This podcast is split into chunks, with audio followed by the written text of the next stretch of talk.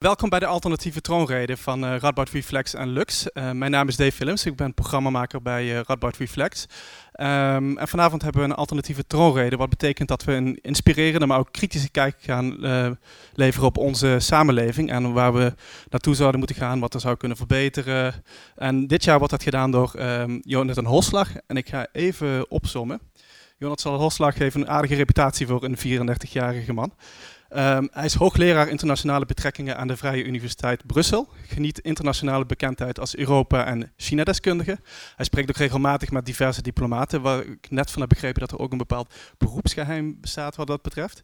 Um, hij heeft diverse boeken gepubliceerd, waaronder De Onmogelijke Vrede en De Kracht van het Paradijs. En Jonathan gaat dit jaar onze alternatieve troonrede uitspreken. Um, tussendoor is er nog even plek voor een korte reactie uit de zaal. En vervolgens gaat hij in gesprek met filosoof Kees Leijners, verbonden aan de Radboud Universiteit. Helemaal op het einde van het programma doen we nog even de uitreiking van het uh, mooiste hoedje. Jonathan Holslag. Dames en heren, geachte leden van de Staten-Generaal, opnieuw, het is voor mij een uh, groot genoegen en een grote eer om vandaag de troonrede uit te spreken, zij het alternatieve troonrede uh, natuurlijk. Um, er zijn veel dingen die ik mij uh, zou kunnen inbeelden, kunnen, waarvan ik zou kunnen dromen, maar nooit dat ik als uh, Vlaming op een Nederlandse troon zou komen zitten. um, dat wil echter niet zeggen dat ik geen binding heb met, met Nederland. En hier start mijn officiële rede. als kind groeide ik namelijk op in een klein dorp aan de grens met Nederland. Er was een lange rechte baan met lindebomen, een douanestation, stevast een auto van de koninklijke marechaussee en aan het einde van die laan waren er de EDA, de Intertoys en de HEMA die in Sinterklaasseizoen weer de fantastisch lekkere Tai Tai aanbood. Nederland voor ons eh, was goedkoop land. Voor de rest konden we ons eigenlijk niet veel voorstellen van Nederland, behalve dan dat rijke Nederlanders onze bossen opkochten om er grote villa's neer te ploffen met hoge hekken er rond. Later leerden we, na de zoveelste politieinval, dat een aantal van die Nederlanders in hun villa's andere dingen maakten dan tai tai. Ik had de indruk dat voor mij en vele andere grensdorpbewoners de baan met de lindenbomen langer leek te worden al naar gelang we ouder werden. De betrekkingen bekoelden aanzienlijk toen onze Philippe Albert op het wereldkampioenschap van Orlando in 1994 Nederland de 1-0-nederlaag binnenknalde. Dat onze lerares Nederlands, Moelisch en Grunberger nogal hardhandig probeerden in te rammen, was evenmin bevorderlijk voor de onderlinge verstandhouding. In de vijf zalen nadien haalden we de neus op voor DJ Tiesto. Onze Belgische DJ's die hadden tenminste nog echte danseressen bij. Het poldermodel, daar hadden we uiteraard nauwelijks van gehoord. Het is pas later dat velen van ons zijn beginnen te ontdekken dat Nederland op een aantal vlakken wel wat te bieden heeft. En vaak zit dat in kleine dingen. Vorige week bijvoorbeeld, eh, onderweg naar Den Haag, geloof ik, viel mijn oog op een treintafeltje in een van de uh, Nederlandse NS-coupés. en wat een elegantie, wat een raffinement. Met het grootste verschil natuurlijk dat het tafeltje in een mooie vloeiende lijn overloopt in de richting van het vensterglas. Nu moet je je voorstellen dat in de meest moderne Belgische treinen het tafeltje nog altijd stevast van het vensterglas gescheiden wordt door een roostertje. En een rooster tussen tafel en venster, geen goed idee, kauwgom, sigarettenpeuken en andere veiligheid. Toch een belangrijke uh, indicatie. Een tweede uh, belangrijk verschil. Nederlandse snelweg, ik moet uh, eerlijk bekennen, ik rij zelden met de wagen naar, naar Nederland, maar ook daar denk ik toch dat enig verschil tussen de twee naties, tussen de twee landen opvalt. Nog een ander plaatje, denk ik, dat uh, ons toch tot nobele gedachten aanzet over uh, dit eigenste land. Het mooie uh, stationsdak in Rotterdam, met hoera, fotocellen ingebouwd in het glas, tegenover een station van ongeveer dezelfde leeftijd, dat van Leuven, waar duiven de hele, hele boel onderkakken en waarin er nauwelijks licht binnenvalt. En het kan nog erger, het station van Vilvoorde, waar er helemaal geen dak meer eh, boven eh, de passagiers hangt. Dus laten we eerlijk zijn, dames en heren, Nederland is nog steeds een gidsland. En dat is het eerste belangrijke argument van mijn betoog. dat leiderschap zit in de kleine dingen. Kleine dingen die voor een doorsnee Nederlander erg gewoon zijn, maar toch blijk geven van enige beschavende voorsprong. Want het gaat om veel meer dan treintafeltjes en zonnecellen. In veel opzichten is Nederland voor de rest van Europa een onbetwiste innovatiekampioen. Een geduchte economische concurrent ook, zij het misschien wat in de schaduw van Duitsland. In Vlaanderen zitten we met veel verbazing te kijken hoe Eindhoven bijvoorbeeld als een phoenix uit zijn as herrijst. Eindhoven is een van de snelst groeiende regio's in Europa. Ik heb de stad een aantal keren mogen bezoeken en het zelfvertrouwen waarmee het zichzelf op de internationale markt plaatst, is verbluffend. Eindhoven zegt veel over de technologische vooruitgang van dit land. Gemiddeld worden hier jaarlijks 2400 patentaanvragen ingediend en 15.000 wetenschappelijke artikels gepubliceerd, waarvan wellicht deze eigenste universiteit een bijdrage levert. Het aantal technici in onderzoek en ontwikkeling is in Nederland in amper vijf jaar tijd verdubbeld. En ik zie dat ook, dat uh, als ik te gast ben bij bedrijven, er heel veel gebeurt. Ik heb er best wat bezocht de afgelopen jaren, van Maastricht tot Groningen en van Rotterdam tot Hengelo. En Nederland zit vol discrete kampioenen. Middelgrote ondernemingen die wereldwijd concurrerend zijn. Zij het vaak verborgen in kleine bedrijventerreinen. In Nieuwegein was ik bijvoorbeeld te gast bij een firma die voor tientallen miljoenen euro's aan ingewikkelde lagers voor windturbines en andere machines uitvoerde. In Hengelo bezocht ik, weggestoken achter garages en warenhuizen, een wereldleider in radarsystemen. Waar veel West-Europese landen terrein verloren, in bijvoorbeeld eh, de productie van machines en elektronica, hield Nederland stand. De Nederlandse high-tech-export ehm, beliep vorig jaar maar liefst 55 miljard euro. Vanuit het perspectief van veel andere Europese lidstaten opereert de Nederlandse overheid met meedogenloze efficiëntie. En ik ben me ervan bewust dat dat voor Nederlanders zelf vaak anders gepercipieerd eh, wordt. Als ik landen als Azië in Azië bezoek, hoor ik van veel diplomaten uitleggen um, hoe sterk de Nederlandse diplomatie is in het behartigen van de economische belangen en het bevorderen van het imago bij investeerders. Ik heb de voorbije jaren zelf bijzonder graag gewerkt met Nederlandse beleidsmakers en kan alleen maar bevestigen dat de kwaliteit van de administratie hier erg hoog is. En zij ook een grote mate van continuïteit en stabiliteit creëren, terwijl overheidsorganisaties in andere Europese landen bijvoorbeeld veel meer een speelbal op de electorale golven zijn. Het is niet voor niets dat Nederland door de Wereldbank bedacht wordt met de grootste onderscheiding op het gebied van goed bestuur. Ik geloof dus opnieuw dat Nederland voor veel andere Europese landen nog steeds de standaard zet, nog steeds gidsland is voor wat betreft bestuur en economie.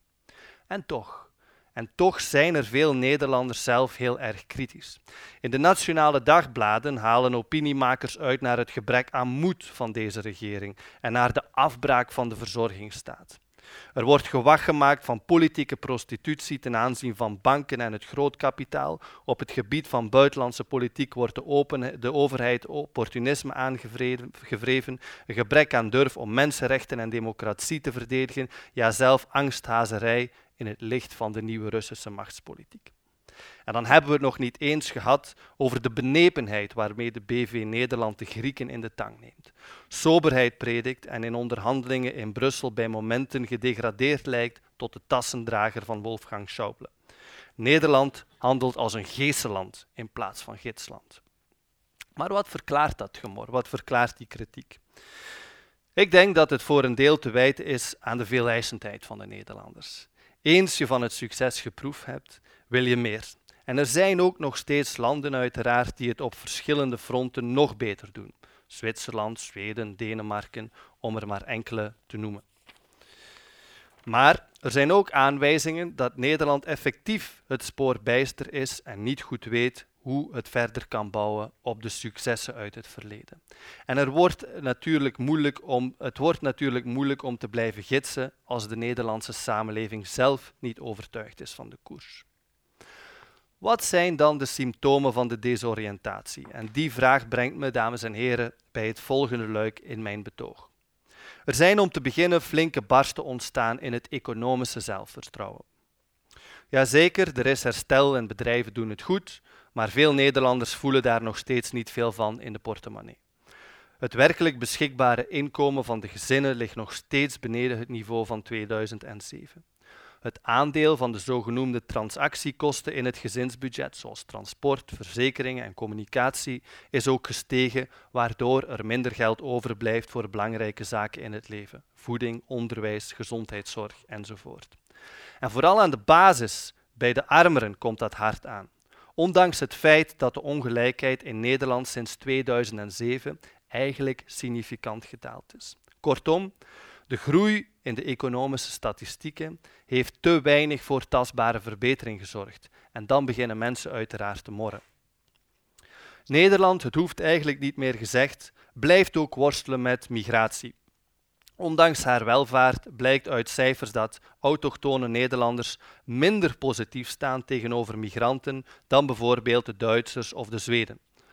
Falend migratiebeleid met grote maatschappelijke polarisatie en wantrouwen tussen bevolkingsgroepen als gevolg typeert veel landen, net zoals de vrees bij arme lagen voor meer economische concurrentie door de migratie. Maar wat Nederland in het bijzonder typeert, is de grote emotionaliteit die rond het debat hangt. Het theatrale bijna van een figuur als Wijlen Fortuyn en Wilders vandaag. Ik heb daar geen wetenschappelijke verklaring voor gevonden, maar het lijkt me dat het afgeborstelde technocratische centrumpolitiek in Nederland erg kwetsbaar is voor de extreemrechtse scheldguerrilla. Ook niet meteen met duidelijke oplossingen naar buiten kan komen en het daardoor erg lastig heeft om met een genuanceerd integratiebeleid de problemen recht te zetten. De desoriëntatie lijkt echter nog veel dieper te zitten. De wereld kijkt naar Nederland als een welvarende, eendrachtige en zelfbewuste natie. Maar uit attitudeonderzoek blijkt evenwel dat het cement van de Nederlandse samenleving lost. Over de hele natie bekeken is de deelname aan het verenigingsleven bijvoorbeeld groot, maar, is het, ook, maar het is ook veel gepolariseerder dan in andere landen, met een hele actieve elite aan de ene kant en ongeveer 47 procent van de bevolking die geheel niet participeert aan de andere kant. Nederland scoort ook bijzonder zwak voor wat betreft de mate waarin burgers zich verbonden voelen met een lokale gemeenschap. De doorsnee Nederlander is er ook minder van overtuigd dan anderen iets waardevols bij te dragen aan de omgeving. Het meest in het oog springend, echter, als je door de cijfers gaat, is het feit dat Nederlanders doorheen de jaren aangeven nauwelijks een doel voor ogen te hebben. In de European Social Survey scoort Nederland op dat vlak reeds verschillende jaren op het niveau van landen als Rusland en Oekraïne. Ik kan me best voorstellen, beste vrienden, dames en heren, leden van de Staten-Generaal, dat het voor de meesten hier deze avond als erg vreemd overkomt. Maar u bent dan waarschijnlijk ook een uitschieter in het, land, landschap van de waarden en de welbevindingsstatistieken. Laten we echter eens door een Nederlandse stad wandelen. Dan zijn er de mooie historische centra met de gezellige voetpaden van gebakken klinkertjes, hun grachten, hun terrassen, hun praathuizen en hun musea. Je vindt er biologische smulboutiekjes, vinylplatenzaken, hipsterkappers, designgalerijtjes en ambachtsateliers. Het is een reservaat voor dure bakfietsen, Tesla's, latte macchiato slurpende eh, bureaumannetjes en aan apps en iPhone verslaafde tieners. Sommigen wonen in het centrum, maar de meeste zijn zich inmiddels door de stijgende woningprijzen gaan vestigen langs de gegentrificeerde straten langs zee, metro of tramlijnen. Hier wordt nog naar de VPRO gekeken, naar zomergasten en tegenlicht. Pauw en Wip Witteman zijn er helden, de Volkskrant en Trouw halen de ontbijttafel nog. Het leven is er mooi en onbezorgd. Er staan bloemetjes op de vensterbanken en de blauwe regen slingert zich stevast rond de regenpijp. En dat stadsbeeld strekt zich een beetje uit als een octopus. Tussen zijn armen echter is de situatie al een flink stuk minder vrolijk. De ruimte is er opgevuld met nietszeggende gevels van de jaren 90 kantoren, waarin nu eens een overheidsadministratie zit, dan weer een poetsbedrijf of een boekhoudkantoor, een accountant, zoals ze hier dat zo mooi anglofiel zeggen. Mensen huizen er in van die typisch Nederlandse woonbatterijen, waarin de verbeelding van de architect zich vaak beperkte tot de voordeur in, een in knalgeel of een hoog hek in fluoriserend groen. Naar de buitenrand van de stad toe komen er dan kleine tuintjes bij, met veel betonnen plavuizen, onkruid en zo nu en dan een tuinkabouter. Niet zelden vind je er een Action of een andere dumpwinkel in de buurt. De helft van de bewoners is er van vreemde origine en de andere helft voelt zich vreemd in eigen land. De tentakels van die stad strekken zich uiteindelijk uit tot de talrijke kleinere slaapsteden en dorpen, waar het voor de middenklasse nog goedkoop en comfortabel wonen is, maar van waaruit het toch vaak al, een snel, al snel een half uur naar het werk rijden is. En dan komen de lange dagen op het werk hard aan natuurlijk. Ochtends vroeg vertrekken, kinderen snel afzetten bij de opvang, overvolle treinen of overvolle wegen, het landschapskantoor, computerscherm, slappe automaatkoffie. S'avonds rond vijf weer terug door het spitsuur, kinderen ophalen, met het laatste beetje energie nog wat eten maken, via de buis wat brio van Matthijs van Nieuwkerk binnentrekken, de weekends vullen met de noodzakelijke winkelsessies poetsen. De straten zijn leeg, veel, van de ruimte, veel ruimte voor het verenigingsleven is er niet en ruimte voor luxe al evenmin, want de rekeningen van de nutsvoorzieningen en de verzekeraars knallen al elke maand onverbiddelijk de brievenbus in. Ik stel de zaken natuurlijk een beetje op scherp hier, maar zo beeld ik me de Nederlandse samenleving anno 2015 in. De situatie is allerminst dramatisch en dat is misschien ook een beetje het probleem, want het laat een groot deel van de bevolking toe om voor een stuk toch te berusten. Men kan evenwel, het kan evenwel niet zo blijven duren. Een nieuwe economische crisis of een aanslepende migratiecrisis en het is prijs. Het land zal politiek dan verder versplinteren en quasi onbestuurbaar worden. Etnische spanningen kunnen oplopen en vroeg of laat gebeurt er geheid weer iets tragisch, een aanslag, rellen of wat dan ook. Maar wat doen we daar dan aan? Moeten de hipsters op bloemetjes fietsen dan echt Nederland gaan veroveren? Moeten we de VPRO-belt uitbreiden naar de uitgebluste stadsranden? En dit brengt ons bij de kern van mijn betoog. We moeten de omslag maken van een samenlevingsmodel dat nog steeds in veel landen respect afdwingt, maar zijn houdbaarheidsdatum heeft bereikt naar een samenlevingsmodel dat nog beter is. Ik drukte het net misschien wat karikaturaal uit, maar ik geloof inderdaad, dames en heren, dat het een zaak is om een groter deel van de Nederlandse samenleving te laten participeren in de nieuwe creatieve economie en het rijke culturele leven dat ik in vele Nederlandse stadcentra aantref.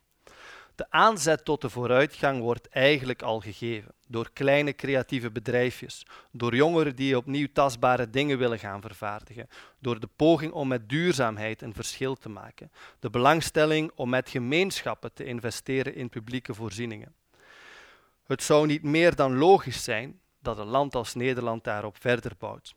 En dat is wat ik in mijn Europa-boek beschreef als een nieuwe beschavingssprong. De voorwaarde om dat mogelijk te maken is dat we opnieuw egoïstisch worden. U hoort het goed, we moeten meer egoïstisch worden. En dat egoïsme vooral niet beperken tot materiële zaken, tot de grootte van de auto die we bezitten, tot het aantal technologische gadgets dat we in ons huis halen. Egoïsme betekent vooral dat we verwachten meer van onze behoeften te vervullen. Dus naast de basisbehoeften ook de behoefte aan samenhorigheid, de behoefte aan erkenning, de behoefte aan zelfontplooiing, de behoefte aan zingeving. Net die zaken dus waar Nederland thans niet zo goed in scoort. Dit staat uiteraard haaks op de soberheidsgedachte, waarbij het allemaal minder moet eh, en elke verzuchting naar cultuur, schoonheid of het behoud van onze natuur wordt afgedaan als een ongeoorloofde luxe. De mens moet dus opnieuw de maatstaf van de vooruitgang worden. En dan houden we er een veel andere definitie van vooruitgang op na als degene die vandaag gangbaar zijn. Vooruitgang hoeft bijvoorbeeld niet technologisch te zijn. Ik beschouw vooruitgang als het vermogen van een samenleving om zoveel mogelijk van onze behoeften te realiseren, door zoveel mogelijk van onze talenten en onze capaciteiten te activeren. Vooruitgang is dus in wezen het vermogen om meer mens te kunnen en vooral te willen zijn. En als we dat toepassen op de economie, krijg je natuurlijk een hele andere interpretatie van groei. Het komt er eerst op aan de waarden achter de waarde te bepalen. Ik hoor onze politici stevast spreken over productiviteit. Het is natuurlijk belangrijk dat we efficiënt zijn en onze rijkdom zo doeltreffend mogelijk inzetten. Maar hoe kunnen we beoordelen of we productief zijn als de doelen niet duidelijk zijn? En geloof me, we kunnen nog veel meer productiviteitswinst halen, productieproces optimaliseren en toch ter plaatse blijven trappelen. Toch het gevoel hebben dat we niet vooruit gaan. gaan. Minder in plaats van meer van onze behoeften te kunnen realiseren. Minder in plaats van meer van onze talenten in te zetten. Eigenlijk komt het er dus op aan dat we de markt zullen moeten herinrichten. Eerst komen de waarden, dan kunnen we praten over de waarde, de geldwaarde. Daarna kunnen we nadenken over effectiviteit van het, de effectiviteit van het waarde toevoegen, productiviteit dus. En pas nadien kunnen we evalueren of er zoiets is als groei. Waarde, waarden, waarde, productiviteit en groei. Dat is de sequentie zoals ik ze voor ogen heb. Ik denk dat Nederland, hier in het eh, dat Nederland hierin het voortouw kan nemen. Enerzijds moet het daarvoor ambitieuzer durven zijn in de basisvoorwaarden om op de markt mee te mogen spelen. Elke producent zou in dit land eigenlijk positief antwoord moeten kunnen geven op de volgende drie vragen. 1. Kun je garanderen dat jij en je toeleveranciers de acht fundamentele regels over waardig werk respecteren? Netjes uiteengestippeld door de Internationale Arbeidsorganisatie. Kun je garanderen inspanningen te leveren om vakmanschap en creativiteit, design, lokale eigenheid en cultuur te promoten? En ook belangrijk, kun je garanderen dat wat je op deze markt aanbiedt klimaat- en grondstoffenneutraal geproduceerd wordt? Het resultaat van zo'n regels is dat een groot aantal spelers niet meer concurrerend zullen zijn, maar dat erg veel lokale bedrijven meer ruimte zullen hebben. En onvermijdelijk ook dat er heel veel nieuwe ondernemers zullen komen. Die regels schakelen overigens de vrije markt niet uit. Ze verhogen het speelveld alleen maar en zorgen voor transparantie die er vandaag in de huidige economie niet is. Standaarden zijn één ding, maar anderzijds moeten we ook stoppen om als samenleving een groot aantal verdoken of externe kosten, zoals we dat noemen, op ons te nemen. Laten we nog eens uitgaan van het gegeven productiviteit. Volgens de cijfers van de OESO is de productiviteit van de Nederlanders toegenomen van 45 euro per uur in 2005 tot 43 euro, uh, sorry, 53 euro per uur in 2014. Maar hoeveel van die stijging zou er overblijven als we de volgende kosten ervan aftrekken? Het toegenomen tijdsverlies bijvoorbeeld in het woon-werkverkeer. Dat is de laatste 10 jaar toegenomen van 25 minuten gemiddeld per dag tot 35 minuten per dag. Omgezet in het gemiddelde uurloon betekent dat een kost van pakweg 40 miljard euro per jaar. En dan is er de toegenomen kost van het Nederlandse wagenpark voor het woon-werkverkeer en, en het goederentransport. Die kosten namen toe van ongeveer 50 tot ongeveer 60 miljard in dezelfde periode. En dan maken we nog niet eens gewag van het wegenonderhoud bijvoorbeeld, het openbaar vervoer, etc. Dan is er de toename van stress op het werk, vooral het gevolg van routine, werkdruk en het gebrek aan beweging. Goed voor ongeveer 6 miljard per jaar aan verdoken kosten volgens het RSI. De rechtstreekse impact van CO2-uitstoot bijvoorbeeld en de opwarming van de aarde door het transport, slecht geïsoleerde woningen, maar ook door vervuilde fabrieken die voor ons produceren in ontwikkelingslanden. Zal ongeveer 600 miljoen tot een miljard per jaar aan Nederland kosten, alleen al om de dijken te verhogen. Ik denk dat we best ook de impact van klimaatvluchtelingen anticiperen, van misoogsten als gevolg van meer onvoorspelbare neerslag. Ja, zelfs van het onvoorspelbaarder worden van het debiet van de eigen Nederlandse rivieren als gevolg van smeltende gletsjers in de Alpen. Als we al deze kosten consequent zouden doorrekenen in de prijs en ook in de prijs van ingevoerde goederen, zal er opnieuw meer ruimte komen voor productie in Nederland. Voor lokale productie en vooral voor duurzame productie. We zullen productiviteit op een andere manier bekijken. Het voordeel van lokale productie is natuurlijk dat het de markt transparanter maakt. En zoals Adam Smith reeds opmerkte, transparantie is een preconditie, is een voorwaarde voor het goed functioneren van de markt en de economie. We zouden beter kunnen inschatten hoe ons gedrag als koper onze kansen als producent beïnvloedt en dan krijg je automatisch een grotere positieve wederkerigheid en kwaliteit. We kunnen daardoor ook de hele kostenstructuur op zijn kop zetten. Neem vandaag de prijs van een kleedje. 100 euro, laat ons zeggen. Beetje design. Dik 20 euro daarvan gaat naar de overheid als belastingen, gemakkelijk 50 euro gaat naar het merk en de winkel en dan is er 20 euro voor het transport, de distributie en de verpakking. Slechts 10 euro blijft er over voor de producent en de grondstoffen. Als we dat nu eens omdraaien en de 70 euro van de kostprijs ter beschikking stellen voor de producent, door de kost van de bijna hele doorgeef-economie tot nul te herleiden. Dat betekent dat we dan eigenlijk alles opnieuw in eigen land kunnen maken, kunnen produceren. Dat producenten er goed aan kunnen verdienen, zelf creatief kunnen zijn en niet eens op erg grote schaal hoeven te produceren. Door de verschuiving in de kostenstructuur maken we arbeid en ondernemen in Nederland weer een bron van geluk. Laten we dat opnieuw concreet maken.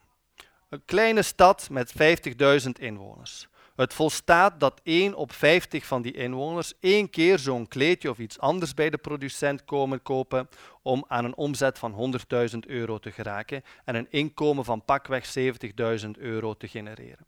Kleinschalig, lokaal, duurzaam en creatief. Kan eigenlijk allemaal. En ik stel me daar dan ook bij voor dat we een groter stuk van de grondstoffen bij plaatselijke landbouwers betrekken, vlas, wol of andere vezels, of uit stadsmijnen die afval opwerken tot grondstof en dus gestalte geven aan een circulaire economie.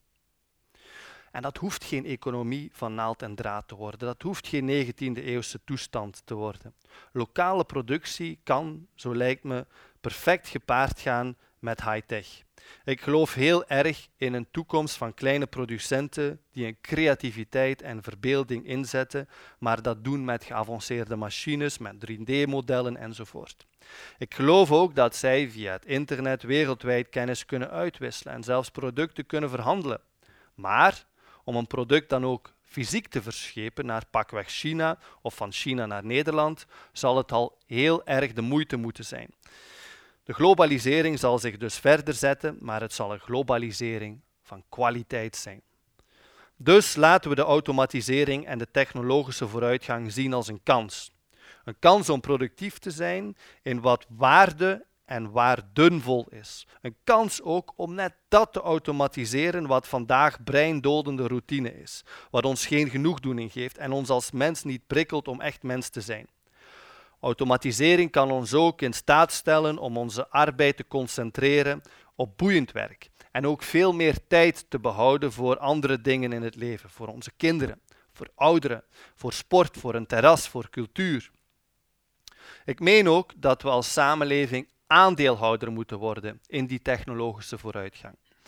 In plaats van nog meer afhankelijk te worden van enkele grote multinationals die miljarden winst opstrijken en die winst vervolgens doorstorten naar een of ander belastingsparadijs om dan vervolgens een stukje terug te brengen als belegging in een of ander Amsterdams grachtenhuis en daardoor van de mooie steden een rijke mensenmuseum dreigen te maken.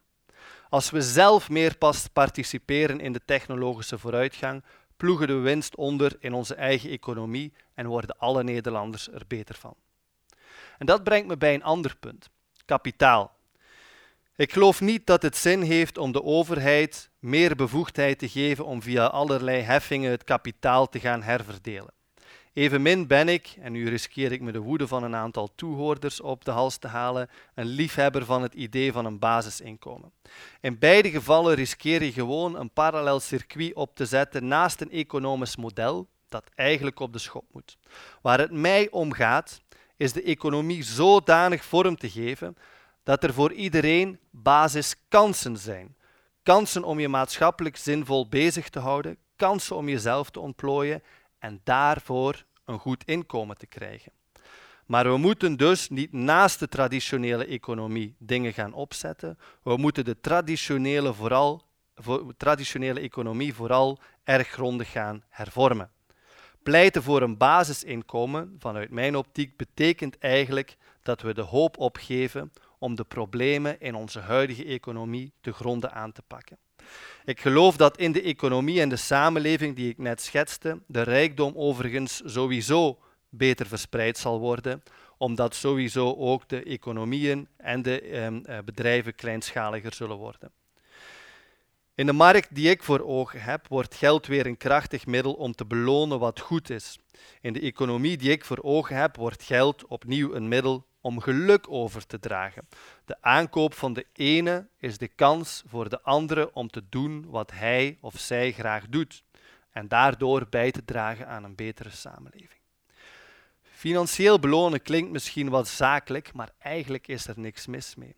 We zouden in principe gewoon meer dingen beter moeten belonen.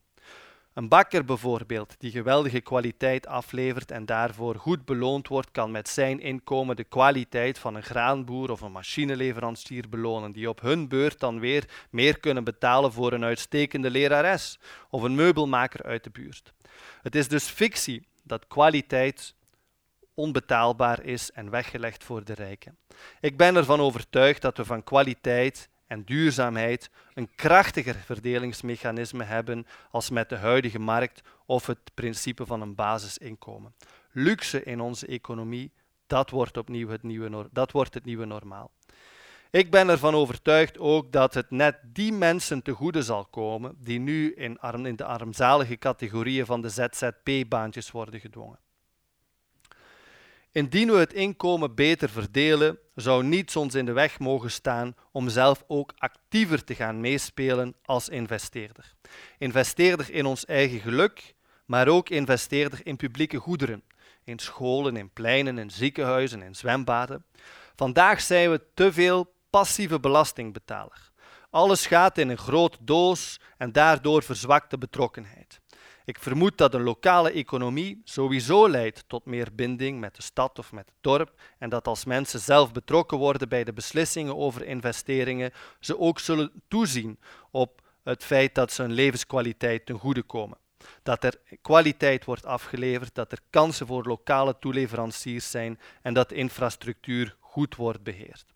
Kortom, ik zie de burgers zelf in de toekomst meer instaan voor projecten in hun steden, via sociale obligaties bijvoorbeeld, via collectieve financiering. De overheid wordt dus meer een regelgeving in plaats van een investeerder. Via eenvoudige wetten en regels moet het ervoor zorgen dat de marktplaats een weerspiegeling is van onze behoeften en ambities. En dan is het aan ons, burgers, om te ondernemen, om te consumeren, te produceren, betrokken te zijn en vooral ook te genieten. Regels, standaarden en de werking van de markt zijn uiterst belangrijk. Maar we moeten vooral ook mensen en jongeren overtuigen dat ze in hun belang zijn. En daar ligt voor mij een belangrijke taak weg voor het onderwijs. Ik heb het reeds vaak gezegd, maar ik begrijp niet dat we onze kinderen jarenlang vormen om goede producenten te worden, maar nauwelijks nog vormen om goede consumenten of burgers te worden. Ik denk dat Nederland zich in dat opzicht kan spiegelen aan bijvoorbeeld Denemarken, Zwitserland of Oostenrijk, waar een grotere nadruk op kwaliteit, duurzaamheid en burgerzin een merkbare impact heeft op de consumentenverwachtingen, de participatie en ook de manier waarop er geproduceerd wordt. Zo, dames en heren, dit zijn mijn aanbevelingen om de Nederlandse samenleving die beschavingssprong te doen maken om verder te bouwen op de verwezenlijkingen van onze voorouders. Want dat blijft de uitdaging. Na de renaissance, de verlichting, de industriële revolutie, de sociale revolutie, de democratisering, de duurzaamheidsrevolutie, de genderrevolutie, is het nu tijd om te consolideren. Om een samenleving neer te zetten die veilig, concurrerend, duurzaam en aangenaam is. Onze voorouders hebben zich daarvoor in het zweet gewerkt, hebben daarvoor strijd geleverd. Het is aan ons om op die verwezenlijkingen verder te bouwen en niet om ze af te breken. Het is geen plan van links, het is geen plan van rechts, het is niet van rood en ook niet van blauw. Ik denk dat dit een plan van progressief is, in de oorspronkelijke zin van het woord. Vooruitgang met wij zelf, behoeftige, toch vernuftige mensen als eikpunt. En ik geloof ook, en dat is mijn overtuiging van harte, dat Nederland bijzonder goed geplaatst is om deze nieuwe revolutie mee in gang te zetten. Ik geloof dat we van Nederland het meest aantrekkelijkste land ter wereld kunnen maken. Want beeld u zich in wat het resultaat wordt. Over heel Nederland zie je steden en dorpen herleven. Gedaan met de leeglopende stadskernen of wijken waarin mensen enkel zijn om te slapen. De welvaart spreidt zich opnieuw uit over het hele grondgebied van Nederland. Er komen nieuwe stadsateliers waarin dingen gemaakt worden en duurzame stadsfabrieken in de stadsrand, aangesloten op hoogwaardige landbouw en stadsmijnen die onze grondstoffen klaarstomen voor een nieuw leven. Reshoren heet dat in het jargon. Maar we reshoren dan wel op een manier dat we met het terughalen van de maakindustrie en andere economische activiteiten een sterkere samenleving bouwen, aangenamere steden en een groter bewustzijn van de waarden en de identiteit die ons uniek maken. We wonen en werken in deze nieuwe economie op één plaats. We sparen ruim een half uur per dag uit aan zinloze pendeltijd, waardoor er meer gelegenheid is om een praatje te slaan, deel te nemen aan het verenigingsleven en dus om ons gemeenschapsgevoel te versterken. Door de economische transitie scheppen we kansen, ook voor de mensen, en dat is heel belangrijk, ook voor de mensen die zich nu onderaan de samenleving bevinden.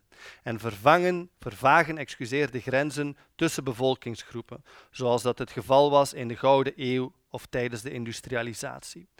Er vormt zich dan een nieuwe gemeenschap met een nieuwe identiteit, lokaal en globaal tezelfde tijd. In die samenleving streven we naar schoonheid in de dagdagelijkse dingen en laten we onze professionele verbeelding prikkelen door kunstenaars en schrijvers en denkers.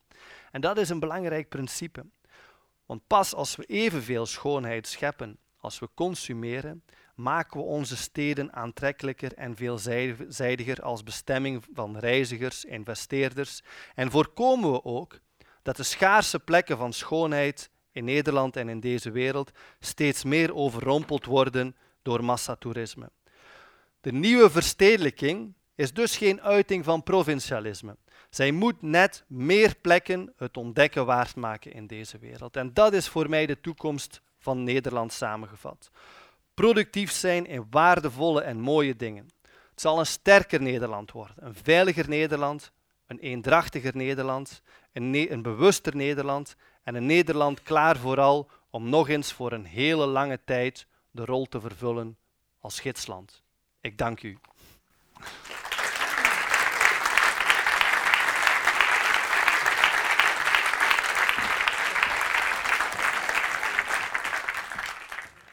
Dankjewel uh, voor, dit, uh, voor deze vlammende uh, betoog. Stukken inspirerender, denk ik, dan de echte troonrede die morgen komt van onze koning Willem. Uh, ik denk dat u nog niet helemaal bijgekomen bent, tenminste ik niet, van uh, het feit dat we dat woord Nederland, uh, die term Nederland gidsland weer hebben. Die hebben we heel lang niet gehoord. Ehm, dus ik zou zeggen, een paar reacties even van jullie als publiek en daarna zetten we het gesprek voort. Wat eerste reacties, eerste vragen. Er zijn twee microfoons. Mag heel kritisch zijn hoor, spaar me niet. Die, die naar u toe komen, dat hoef je volgens mij helemaal niet te zeggen. Ja. Ik hoef helemaal, u helemaal niet te sparen. Nee. Nou dan, dan kan ik erop los doen. Um, ja, maar je moet het wel kort doen. Ja, eh, ik mis iets in de diagnose. Namelijk, uh, het verhaal hoe die afsteekt gaat hoofdzakelijk over Nederland als binnenmarkt. Wat we binnen het land zelf kunnen doen.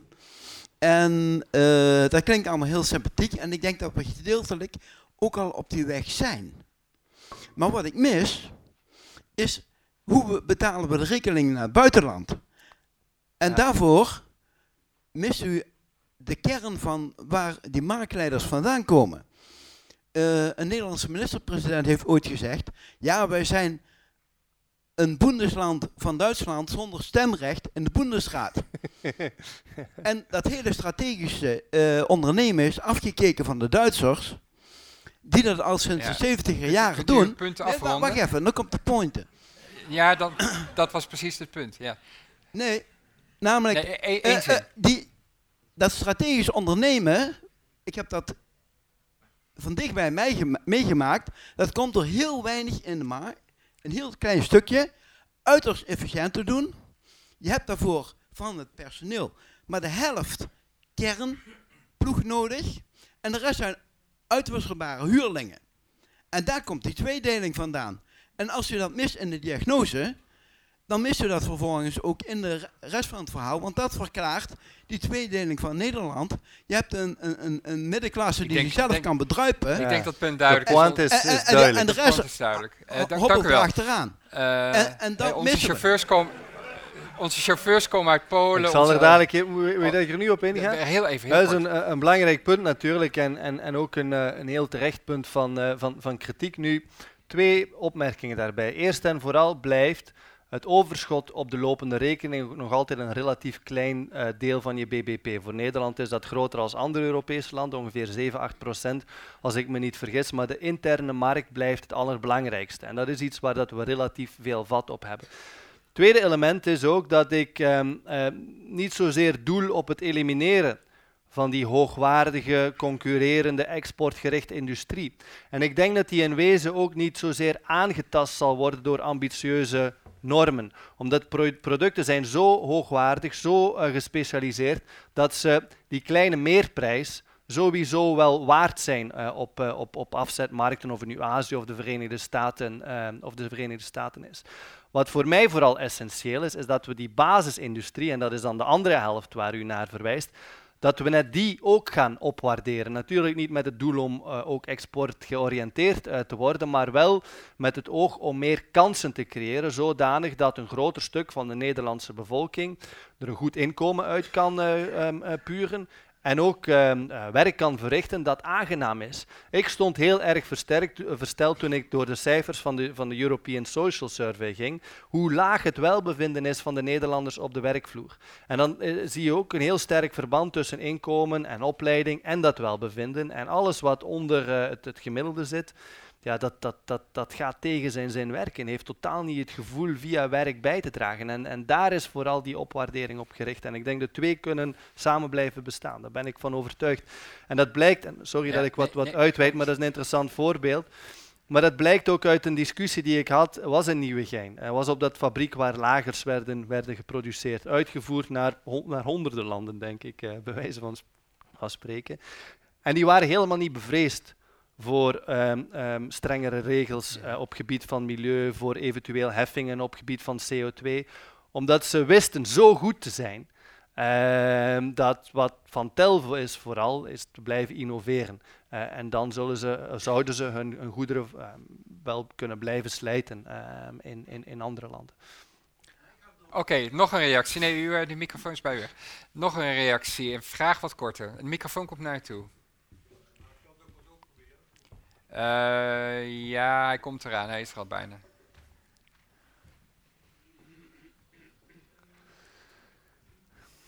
We mochten schieten, hè, zei. Ja, ja, ja, zeker. Ik schiet terug. Ik zag in de, in de aankondiging dat het vooral zou gaan over Nederland als gidsland, Ja. wat wij vroeger altijd geweest zijn. Maar dat was een gidsland van waarden. Dat was een gidsland, tolerant, respectvol. Den Haag als de stad van internationaal recht. En ik dacht dat die vorige meneer daar ook op doelde, maar hij ging de andere kant op. Ik mis in het verhaal eigenlijk totaal Nederland als nieuw gidsland. Want wat u vertelt, ik heb nogal veel contacten met Vlaanderen gehad, Hmm. dat, dat prachtig, overigens een heel mooi ideologisch verhaal, maar dat kan ik ook op Vlaanderen van toepassen. Ja, absoluut. Dat kan ik ook. Dus het spreekt mij niet. We hebben net Jesse Klaver horen praten over economisme. Ja, Ik weet niet of u die term kent. nee. Nee. Er worden zoveel termen uitgevonden Ja, maar deze dat is- dagen. Dat is een hele belangrijke nieuwe term die eigenlijk hetzelfde zegt wat u zegt, namelijk economie Ja. weer een waarde-economie laten zijn waar waarden onder zitten. Ja. Wat ik mis in uw verhaal, en daar had ik graag een antwoord op, is kunnen wij de waarden die we hadden 30 Ja. jaar geleden, de periode voor Fortuyn, de periode voor de PVV, waarin wij respect verdienden van de hele wereld, Ja. internationaal, niet economisch, maar qua, hoe moet je het zeggen? maar ik Qua- weet waar je op doelt. Oh. De, Ja. de, de, de verlichte geest in de buitenlandse politiek Ja. vooral. Ja. Ehm, Ja, ik denk daar ook zat dat over- dat... da- Daar zat één ding bij, we zaten altijd met dat vingertje te wijzen. Ja, Hoe het zou Heel moeten, vervelend bedoel was dat voor niet. ons. Dat was heel vervelend. Zeker voor Vlamingen was dat Nee, ik, heel... denk, ik denk eh, dat het punt duidelijk is. Dank u wel. ja he- he- heel snel daarop. Ik denk dat nog economisme of het de discours dat ik hier net eh trachtte neer te zetten, nog dat verlicht waardegoed in de buitenlandse politiek specifieke Nederlandse dingen zijn. Dat zijn lijkt mij universeel toepasbare zaken. De Zweden, de Denen, de Noren zijn daar goed in en, en, en kunnen daar wellicht ook nog beter in, in, worden. En dus ik denk niet dat dit verhaal specifiek Nederland is. Wat ik wel hoop is dat Nederland met een relatieve voorsprong op economisch vlak de koe bij de horens vat en ook als een van de eerste Europese landen er werk van maakt. Want, en daar kom ik dan ehm, bij het antwoord concreet op uw vraag, ik denk dat de verlichte buitenlandse politiek, het, bepleiten van mensenrechten, het bepleiten van democratie, het bepleiten van goed bestuur, onmogelijk is zonder dat je een generatie beleidsmakers hebt die voldoende zeker zijn van de binnenlandse saamhorigheid, van de binnenlandse sterkte. Want wat is het probleem vandaag? Economie wordt zwakker. En dan zie je natuurlijk al die ministers met hun tasjes en hun delegaties uh, rennen om in China of in de Golfstaten of waar dan ook een paar bakken uh, kapitaal terug mee naar het thuisland te brengen, investeringen. Ja, en dan hou je natuurlijk uh, uitverkoop hè, op vlak van je waarde. Dan ga je niet met het vingertje staan bij de Saudis zeggen van hé, hey, uh, vrouwen hoeven hier geen doekjes te dragen. Of bij de Chinezen van hé, hey, um, er zijn ook nog wat dissidenten in jullie gevangenissen die, die, die we opnieuw in vrijheid willen zien. Dus het, het, het verstevigen van je samenleving en vooral het um, tot stand brengen van een economie die opnieuw meer zelfredzaam is voor een, voor, voor, voor, een stukje. Als alternatief ook voor een economie van de bedelstaf. En daar uh, beginnen veel Europese economieën echt wel op, uh, op te lijken. Denk ik is een preconditie om te komen tot het uh, verlicht waardegoed in de buitenlandse politiek. Ik zie het omgekeerd niet zo meteen plaatsgrijpen. Oké, dat is helder. Um, ik, ik, heb een vraag hoe, hoe, hoe dit verhaal, um, uh, waar, waar je sterkte nadruk legt ook op lokale en productie, op productie ja. komen we zo meteen, hoe zich dat verhaal verhoudt met je andere verhaal, je eerdere verhaal, van, van verhaal ook van je laatste boek over de externe bedreiging van de Europese Unie, met name de dreiging die je uit China ja. uh, ziet. Uh, zijn die Chinezen onder de indruk als we allemaal leuke dingetjes in Nieuwegein gaan ha. zitten maken? Wel, allemaal nieuwe dingetjes. Als het gaat om high-tech zijn, zijn de Chinezen en naast China ook veel andere landen bijzonder geïnteresseerd in wat we doen. En dat is ook de reden waarom dat zij de ene na de andere delegatie naar hier sturen om te komen leren. Mm In de praktijk betekent dat meestal te komen spioneren. Um, een tweede element is ook dat um, je vanuit het Chinese economische beleid kunt afleiden dat ze voor een flink stuk op zoek zijn naar wat ik net probeerde te schetsen. Als jij tussen de regels door van um, de, de, de um, werkrapporten van de Chinese overheid leest. Als je kijkt naar de GOFA's, de, de, de, de memo's van de staatsraad over um, de, het, het nieuwe, hoe noemen ze dat in het Nederlands, het nieuwe... ik denk niet dat daar een, een, correcte vertaling voor is, maar dus het, het nieuwe harmonieuze samenlevingsmodel, dan doelen zij ook op lange termijn op economische groei die schoner is, op economische groei die in verhouding een, een, een, betere, eh, een beter inkomen genereert. Want wat is het probleem natuurlijk? Die Chinezen die hebben, hebben, hebben jarenlang eh, de broek van het lijf gewerkt. En die komen nu tot de conclusie dat heel veel van de investeringen niks meer waard zijn. Komen nu tot het besef dat ze vijf tot uh, zes jaren van hun leven verliezen als gevolg van vervuiling, vuil water, vieze lucht enzovoort. Dus ik denk ook de Chinezen potentieel kunnen belangstelling hebben voor, voor zo'n model. Mm -hmm. Maar hun economie is zo verkrampt, zo onevenwichtig, dat die correctie erg lastig zal zijn. En dan een laatste punt. Als we Nederland plaatsen in de internationale economische context, vrees ik dat we gaan naar een periode van uh, economische hoogspanning, competitieve devaluaties, hè, dus geldontwaarding, uh, concurrentie met fiscale voordelen, concurrentie met loonlastenverlaging. Alle mogelijke trucken die worden toegepast om bedrijven uh, terrein te, te, laten winnen of te behouden. En dat Nederland als een, een toch wel sterk geglobaliseerde samenleving daar heel vatbaar voor is. Als we de Nederlandse economie minder kwetsbaar willen maken uh, voor die nieuwe redrace, die nieuwe race to the bottom, dan denk ik opnieuw dat voor een stukje zelfredzaamheid ook in het strategische belang is van, uh, van, van deze samenleving. Ik denk dat uh, de Nederlandse samenleving veel veerkrachtiger is natuurlijk als de welvaart beter verspreid wordt, maar als je ook minder afhangt van, uh, van afzetmarkten die bijna onvermijdelijk lijkt mij de komende tien jaar eh, heel, erg, ehm, heel erg roerig en onzeker Mhm. worden. Ja, op die onzekerheid zou ik zo meteen nog willen terugkomen. Een ander punt is inderdaad productie. Dus je verhaal gaat heel erg over lokale productie. Ja. Nou is Nederland denk ik traditioneel en zeker nu helemaal een land waar gehandeld wordt, maar vooral ook waar diensten eh, worden verleend. De meeste Nederlanders brengen hun blijkbaar niet zo tevreden werkleven door in onduidelijke kantoren waar ze onduidelijke dingen Ja. met heel veel andere Nederlanders eh, doen. Dat, dat is de realiteit. Dus hoe, hoe, hoe verhoudt zich tot jouw verhaal van lokale productie? Moeten we nu inderdaad dan allemaal weer dat ja, we leren? mogen, we mogen natuurlijk niet alle diensten over dezelfde kam scheren. Als je kijkt naar welbevinden, is er een enorm groot verschil tussen een aantal professionele diensten, hè, vaak Mhm. hele routinematige diensten, en anderzijds meer maatschappij georiënteerde diensten, zorg, onderwijs, eh, eh, cultuur eh, en, en ga zo maar door. Dus dat, dat, er is echt een spreidstand Ja. in die sector.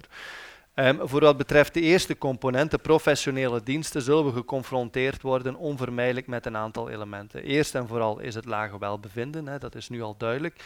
Maar een tweede is ook dat die sectoren wellicht na de maakindustrie het ehm, slachtoffer zullen worden of het voorwerp zullen uitmaken van doorgedreven automatisering. Mhm. Als je kijkt naar de eh, clusters waarop de ehm, automatisering, de digitalisering de komende jaren het grootste impact zal, hebben in de, impact zal hebben in dit land, zijn dat de diensten. Dan heb ik het over de detailhandel, dan heb ik het over een stukje, eh, de, voor een stukje de horeca, de, de achterkantoortjes en, en, en noem maar op. Mhm. Dus daar gaan sowieso heel veel mensen Mhm. verdwijnen.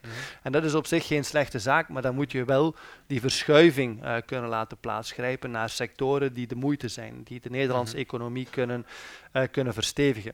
Waarom dat voor mij diensten eh, sowieso nooit de, het de kern kunnen zijn van een economie, ehm, ligt één aan het feit dat diensten in de internationale handel nog altijd slechts een vijfde uitmaken van het totale volume. Wat wil zeggen dat vier vijfde van de handel is nog altijd handel in goederen. En Mhm. dat, dat is eigenlijk relatief weinig ehm, eh, gekrompen doorheen de voorbije 10, eh 10 20 jaar zelfs. Ehm, en ook het feit dat een diensteconomie polariseert. Een Mhm. diensteconomie polariseert veel meer en dat, bl- dat blijkt uit alle onderzoek als een economie waarin je ehm, eh, nog voldoende maakindustrie hebt.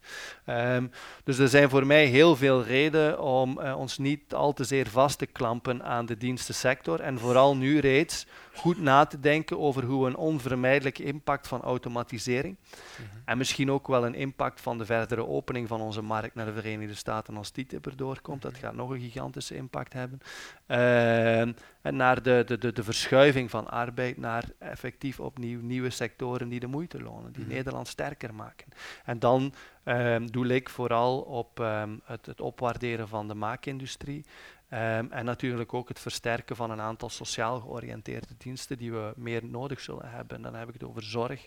Ehm, ik denk ook dat we moeten blijven investeren in opvoeding, onderwijs. En dat we daar niet genoeg in kunnen eh, investeren. Maar over die, over die maakindustrie, want je denkt aan een hele specifieke maakindustrie, maar een maakindustrie met een bepaalde kwaliteit, een bepaalde lokale geworteldheid en dat Ja. soort zaken. Hoe verhoudt dat zich met jouw verhaal, eh, wat, wat in je verhaal wat minder naar voren kwam, het feit dat de, de kloof tussen zeg maar een elite die goed opgeleid is en die inderdaad eh, naar tegenlicht kijkt en, en, en GroenLinks stemt en met zo'n aanstellerige bakfiets door de binnenstad eh, Hmm. heen eh, fietst. Hoe, hoe verhoudt die, die, die elite zich tot, tot een groep die eigenlijk steeds meer uitgesloten lijkt, juist van dit verhaal? Ja. En eerlijk gezegd denk ik ook van jouw alternatief. Want als ik kijk naar, naar de maakindustrie zoals jij hem denkt, dan denk ik niet aan arbeiders, zeg maar. Dan denk ik eerder aan wederom hoogopgeleide, creatieve Nee, eh, mensen. Of, of, of is, dat, is dat verkeerd? Is dat Nee, verkeerd? ben ik, het niet mee, ben ik het niet mee eens. En, en ik denk ook dat we er ons goed bewust van moeten zijn dat heel veel mensen in de routinediensten tegenwoordig al een flink diploma hebben. Hè. Dat Mhm. diploma ook geen garantie meer is op een, eh, op een, op een boeiend en goed betaald, eh, goed betaald werk. Ehm, ik ben het volledig met je eens dat ehm, de verantwoordelijkheid voor die kanteling van de Nederlandse economie en het hele maatschappelijk model overwegend bij de middenklasse ligt. Mhm. Ehm, en het probleem is nu net dat die middenklasse zich nog behoorlijk happy voelt in het bakfietsenparadijs en, en in, VP, en in VP, VPRO-land. Maar goed, dat blijft niet duren. En je ziet nu natuurlijk ook dat de onderkant van de middenklasse, zo de, de, de, de middelste inkomensquintiele, dat die stilaan toch ook in de tang wordt genomen eh, en, en leidt aan een flink, eh, flink koopkrachtverlies. Dus stilaan denk ik wel dat je een draagvlak creëert om iets anders te doen. Mhm. En dan is het natuurlijk een zaak om de, ehm, armste 40, 50 procent van de Nederlandse samenleving ervan te overtuigen dat het ehm, eerst en vooral financieel interessant is Mhm. om die stap te zetten. Ehm, dat ook de markt er is, dat ze beschermd zullen worden Mhm. tegen valse concurrentie met kinderarbeid, met, met, met, met vervuilende dumpingpraktijken. Mhm. Ehm, en geleidelijk aan, ehm, eh, vermoed ik, eh, ga je ook het, het onderscheid tussen handenarbeid en, en gedachtenarbeid vervagen. En dat is wat je heel mooi ziet in, in dus die landen als Zwitserland, Oostenrijk, Denemarken, waarin eh, technisch onderwijs eigenlijk mooi doorvloeit in hoger onderwijs. Eh, en waarin je dus, zoals de Italianen mooi zeggen, mane sapiente hebt, hè, dus denken, denkende handen. Ehm, en, en dan zou je eigenlijk voor een stukje ehm, ook een, een oriëntatie kunnen mogelijk maken van, laat ons zeggen, eh, het, het middengeschoolde segment, hè, waar nu allemaal, wat is dat, ehm, ik weet niet hoe we de opleidingen in, in Nederland noemen, maar wij eh, zeggen daar vaak ehm, boekhouding, eh, Mhm. boekhoudkunde Ja, en zo en- tegen. MBO is dat in Nederland. voilà. hè? Middelbaar Eh, beroepsonderwijs. je, je, je- je schakelt dat gewoon om. Ehm, en, en dan heb je een, eenzelfde intensiteit van opleiding met meer kansen tot doorgezette, voortgezette opleiding, maar je, je past dat gewoon toe op een andere Mhm. sector.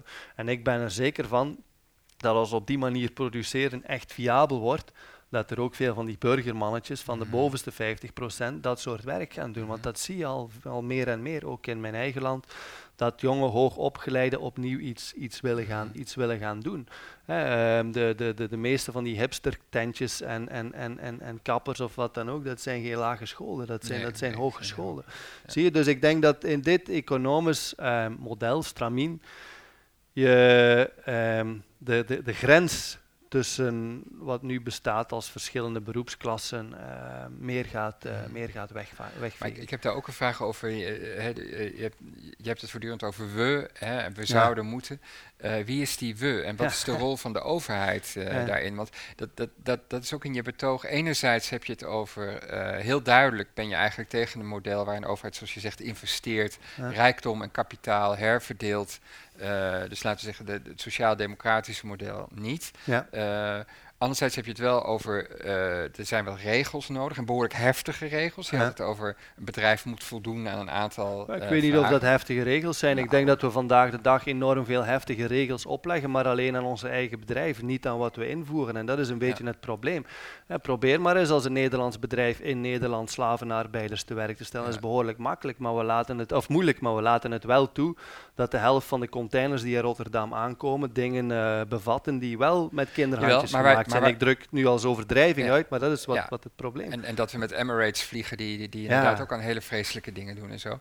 Maar, maar daar is een overheid voor nodig. En dan lijkt jouw verhaal weer voor een hele sterke overheid te pleiten. Ook dit hele verhaal is nogal een revolutie. Dat moet iemand, daar, dat, dat moet ergens vandaan komen. Je praat heel veel met beleidsmakers, lokaal, maar ook zeker ook in Den Haag.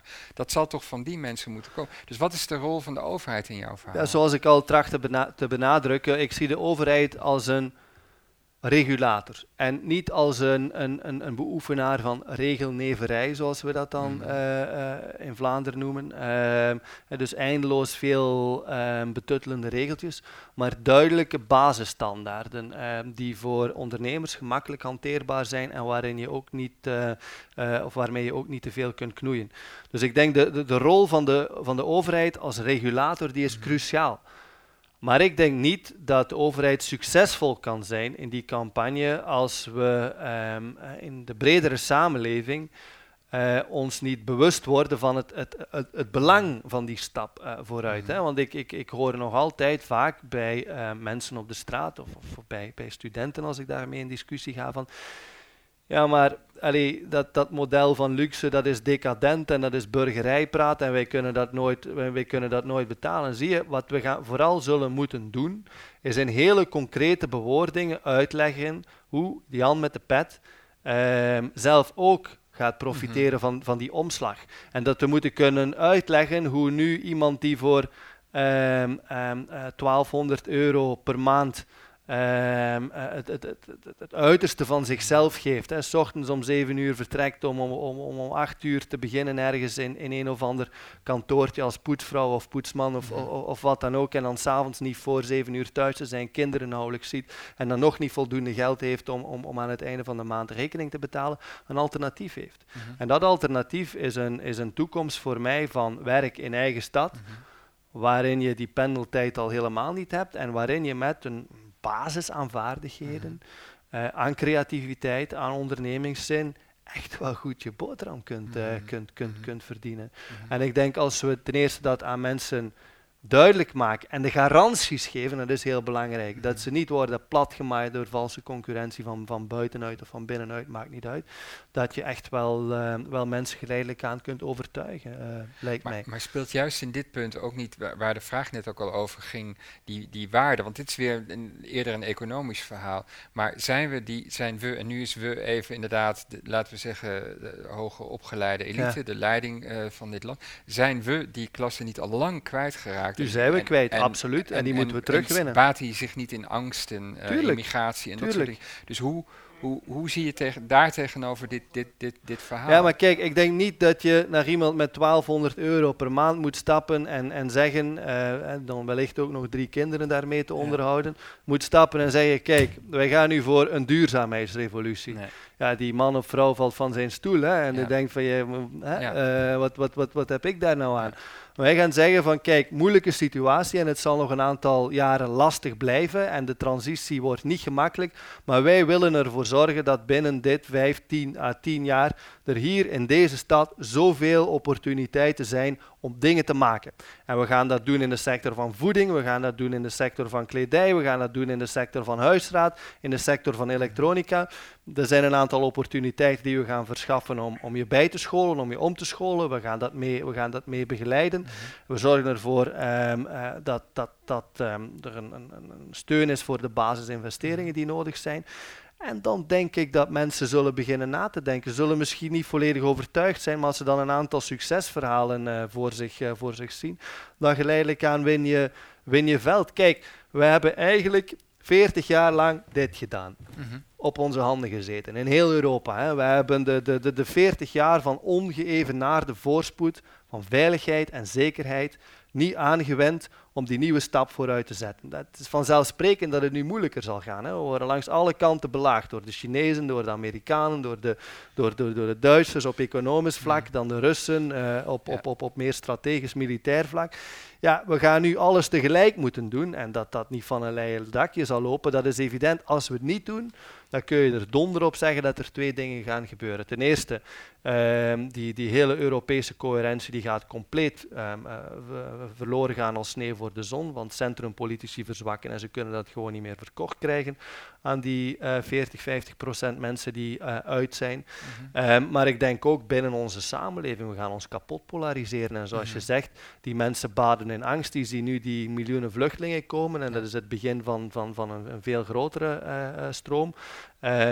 Ja, je, je- ziet nu al wat het gevolg is. Hè. Dat is ehm, een, een, een, we zijn het bedje aan het spreiden van, van, van rechtsextremisme in, eh, in, in Europa nu.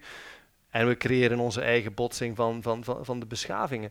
Dus allee, ik kan perfect ook een troonrede van 40 minuten geven met een doemscenario. Ja. Dat is dus nog gemakkelijker hoor. Ehm, maar we moeten, we moeten, denk ik, met dit in, in, in, in het achterhoofd net harder werken om het, om het te keren. En dan denk ik dat het voor een stuk ook onze plicht is om aan de mensen die het moeilijk hebben en die terecht bang en onzeker Mhm. zijn, om hen perspectief te geven op iets, Mhm. eh, op iets, op iets beter. En dan, dan mogen we dat vingertje best achterwege laten, denk ik. Ja, mij. en, en dan nog, nog een vraag naar nog een we, naar een andere overheid. Dat is de Europese Unie, waar je ook eh, kind aan huis eh, bent. hè, Ja. in allerlei rollen, adviserende rollen. Daar heerst dezelfde angst en afkeer door heel Europa. De populisten door heel Europa. Jullie, hadden daar al, jullie hebben dat min of meer uitgevonden. het Vlaams eh, Belang. Belang Vlaams het Blok, Vlaams blok wij hebben dat. goed we hebben eh, NVA van gemaakt. Precies. Ehm, eh, de, de, de, de, de, de weerzin tegen Europa. Want, en, en, en dan nu eventjes Europa als de Europese Unie. Ehm, hoe verhoudt jouw verhaal wederom zich tot dit, want wederom, uh, je hebt het over lokaal, je hebt het over dat we dumping uh, van kinderarbeid en zo moeten weren. Dat kunnen we helemaal niet in ons eentje. Daar hadden we ooit de Europese Unie voor. Heeft die nog een, rol uh, bij jou? Ja, ook daar is de diagnose voor mij heel somber. Hè? mijn, mijn inschatting is dat als Europa blijft evolueren zoals het nu evolueert, we binnen 5 à 10 jaar geen Europese Unie meer hebben. En dat is, dat is, dat is geen... Um, uh, Cassandra die ik nu probeer te spelen, ik denk dat dat voor een flink stuk de teneur op heel hoog niveau in Brussel samenvat. Mensen zijn de moed verloren. Uh, van, van, van, van, van, van Juncker tot de Europarlementariërs en het Europa Europees Parlement ligt echt op apengapen. Mensen zijn de moed verloren. En dat is een heel groot probleem. Hè, de leiders, onze Europese Ja, de leiders, En, de, en, en, en, en, de, en, en de bureaucraten. Er zijn heel veel dingen die muur vastzitten. Een eigen Europees industriebeleid, energiebeleid is op een uh, sisser afgelopen. Als je het mij vraagt, werkstellingsbeleid is niet van de, van de grond gekomen. Dus ik heb de indruk dat men in Brussel echt op dit moment het spoor pijster is. Hè. Men doet nog wel een beetje zijn best, uh, maar heel veel, komt daar, heel veel komt daar niet uit. En dat is hetzelfde wat er in de lidstaten aan, aan de gang is, uh, lijkt, lijkt mij.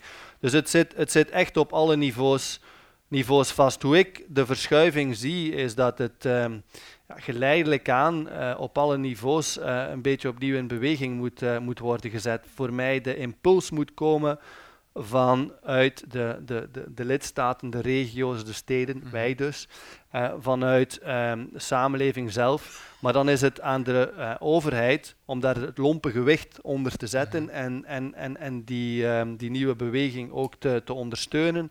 En in de raad uh, in, in, in, Brussel niet langer te gaan pleiten voor um, dingen die grenzen aan, aan, aan dumpingpolitiek en het ontmantelen van onze ecologische of uh, onze milieuregelgeving, maar net gaan pleiten voor sterkere uh, uh, regels.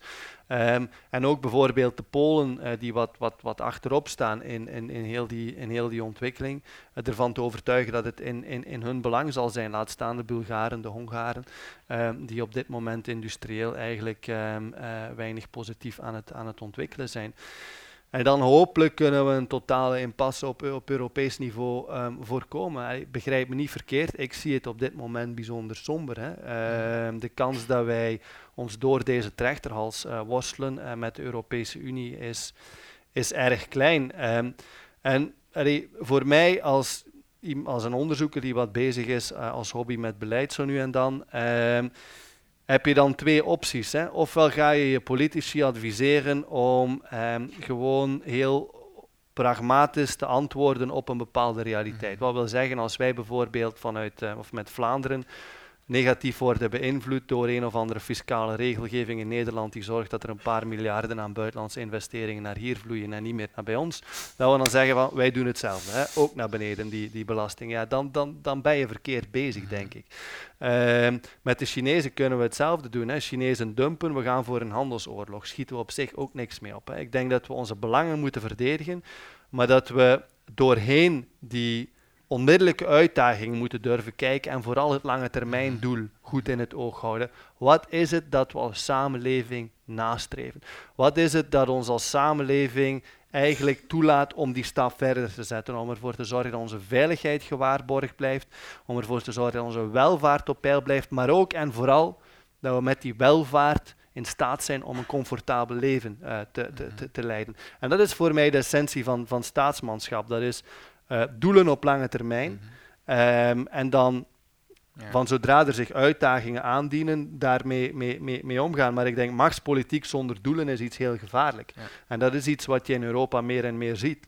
Dat is uh, nationalisme, keiharde economische concurrentie zonder dat er echt een, een, een, een, een, een, een doel is. Maar, maar, maar, je zegt dus uh, staatsmanschap, doel op lang termijn. Maar zijn die staatsmannen en hopelijk staatsvrouwen, vooral afgezien van Angela Merkel, uh, zijn, zijn, zijn die er? En, en hoe optimistisch moeten we daarover zijn? Want dan kon je nu eigenlijk een verhaal houden uh, waar je over de Europese Unie, en dat zijn wij, uh, behoorlijk negatief bent. Daar lijkt het staatsmanschap, uh, staatsvrouwschap te ontbreken. Net had je het over Nederland gids, uh, gidsland. we zijn goed gepositioneerd om dat te doen dat leek wat positiever. Je bent me in een, cynisch hoekje aan het, aan het drukken. Hè? Nee, ik, doe niks. Nee, ik vraag, je, je, zegt het helemaal zelf. Nee, nee, laten we, laten we de verschillende lagen even één voor één bekijken. Hè. We hebben natuurlijk het niveau van onze eigen samenleving. Ja. Nederlandse samenleving. Mensen hier in de zaal Ik denk dat we hier dit groepje hebben, hebben een heel bijzonder groepje. Hè. Ten eerste, ze komen al naar zo'n uh, blijde boodschap luisteren. Zeer bijzonder.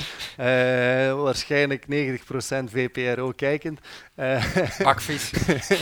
nee, nee, nu ben ik aan het stigmatiseren. Maar dus ik denk dat er in, in veel samenlevingen in Europa groepjes zijn die kritisch beginnen na te denken. Dat is, dat is een begin de grote massa van de samenleving die ligt een beetje lethargisch voor zich uit te staren en, en, en, en wacht af wat er komen gaat. Hè. Een beetje bang voor, voor, voor de islamimmigranten, een beetje, een beetje bang voor ehm, eh, de, de um, uh, Pool of de Bulgaar, of misschien weet mhm. binnenkort de Oekraïner die onze job komt pikken.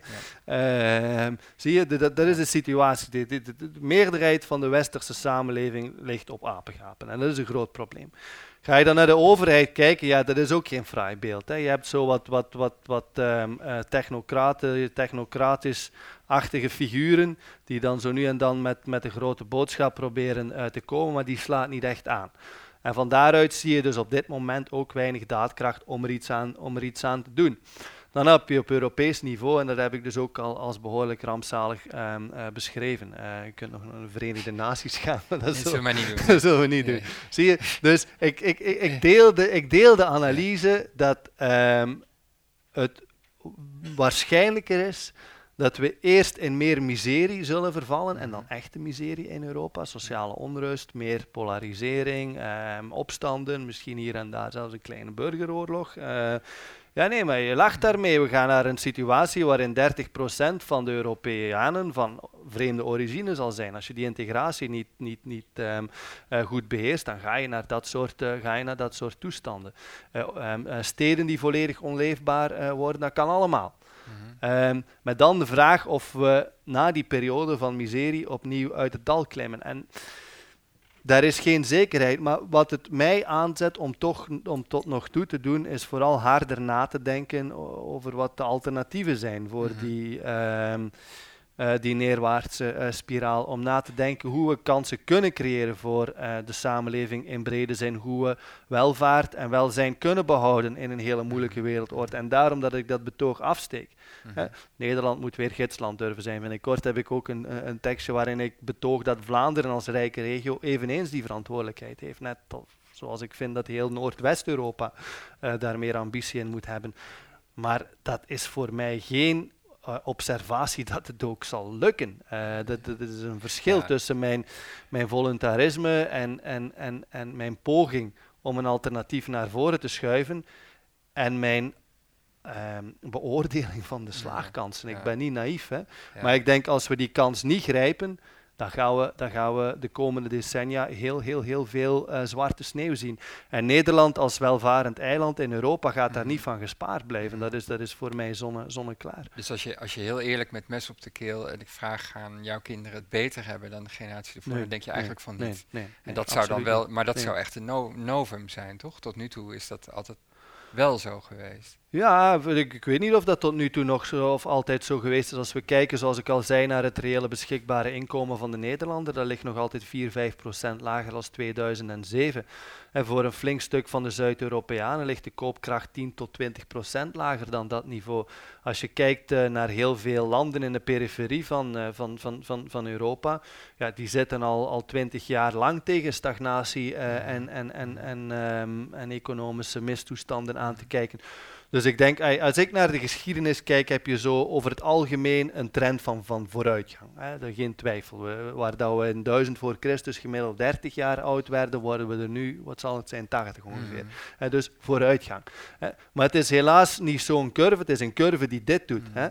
Uh, en ik denk dat als we het nu in West-Europa niet goed aanpakken, dat we heel flink dit gaan doen. Uh, en, en, en dat het, de kans wellicht bestaat dat wij in onze uh, desoriëntatie zullen worden plat geconcureerd door alles wat er op onze buitengrenzen ligt. Mhm.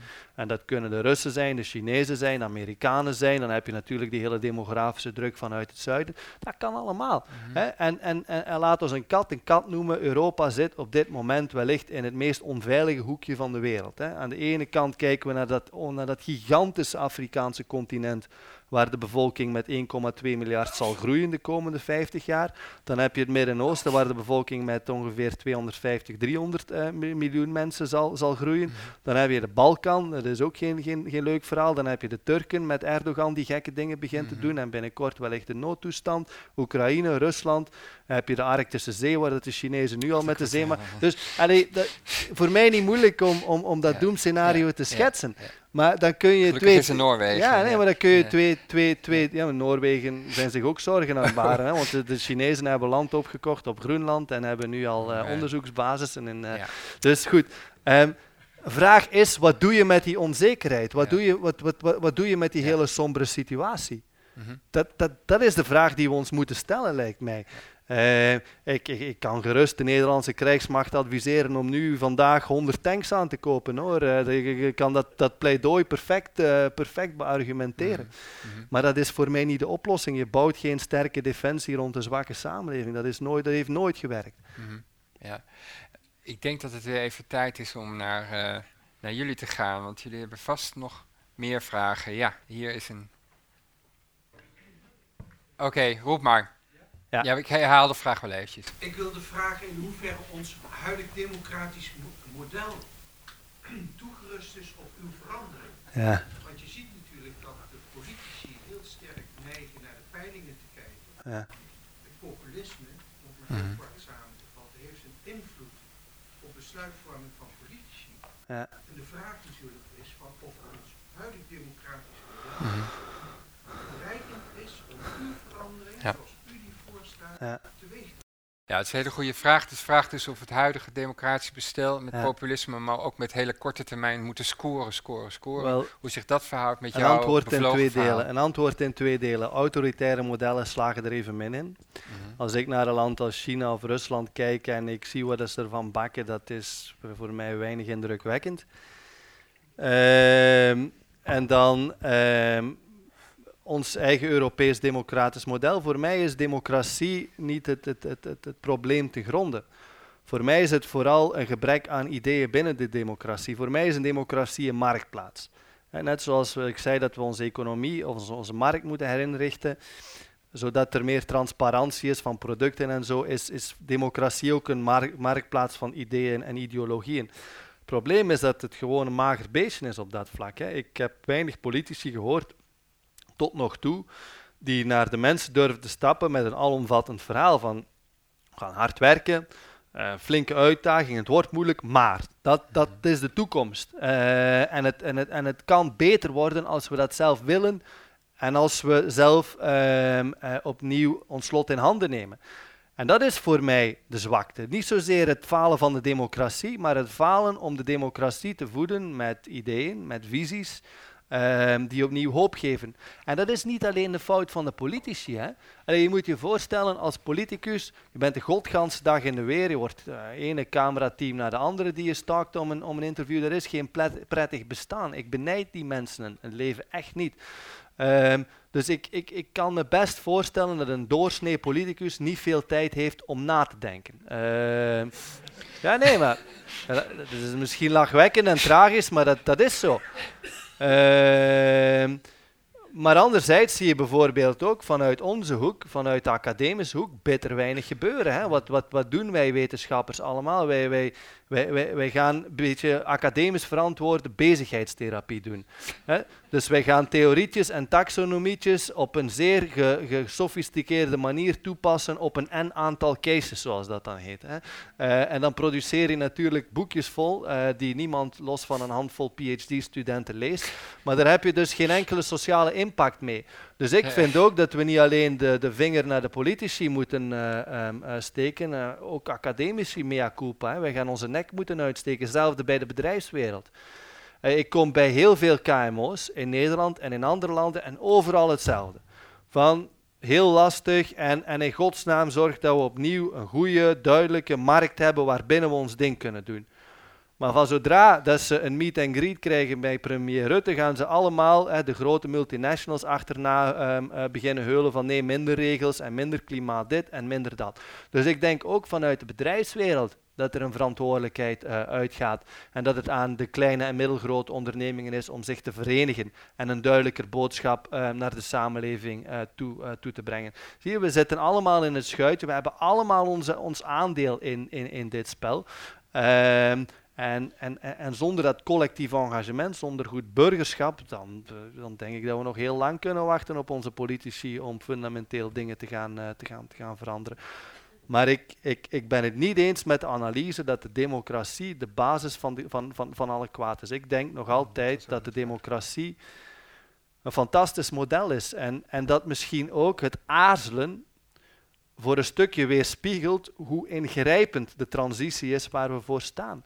We staan voor een transitie waarin we eigenlijk verplicht worden om eh, de hele zaak te, te hertekenen. En dat er dan wordt nagedacht en, en, en, gereflecteerd en getwijfeld is niet meer als normaal. En wat je in China hebt in, in dat soort situaties is, hup, paf, meteen een aantal staatsbanken erop, een uh, paar honderd miljard investeren in strategische clusters, ja, waarvan doorgaans misschien een vierde slaagt. Hè. Eh, je moet maar eens kijken wat er op de balansen van die Chinese staatsbanken op dit moment weer aan, rotzooi uh, staat. Ja, of dat dan een beter alternatief is, dat durf ik niet te zeggen, want vroeg of laat kan daar de boel ook uh, verder in de, in de problemen komen. Zie je? Maar wat wel is, en opnieuw de conclusie om een lang verhaal kort te maken, we gaan dat democratisch model opnieuw moeten voeden met goede ideeën. En daarom dat ik het heel, heel, heel, heel hoopgevend vind dat jonge politici als die jongen van Groen, uh, wat is zijn naam ook alweer? Hij werd net genoemd, Jesse Klaver. Ja, Jesse Klaver. En er zijn er nog een aantal echt wel out of the box beginnen, mm beginnen na te denken. Ik vind dat moedig. Uh, maar ze zouden zichzelf misschien af en toe iets meer moeten durven verplaatsen in de, in de schoenen van de mensen onderaan de samenleving.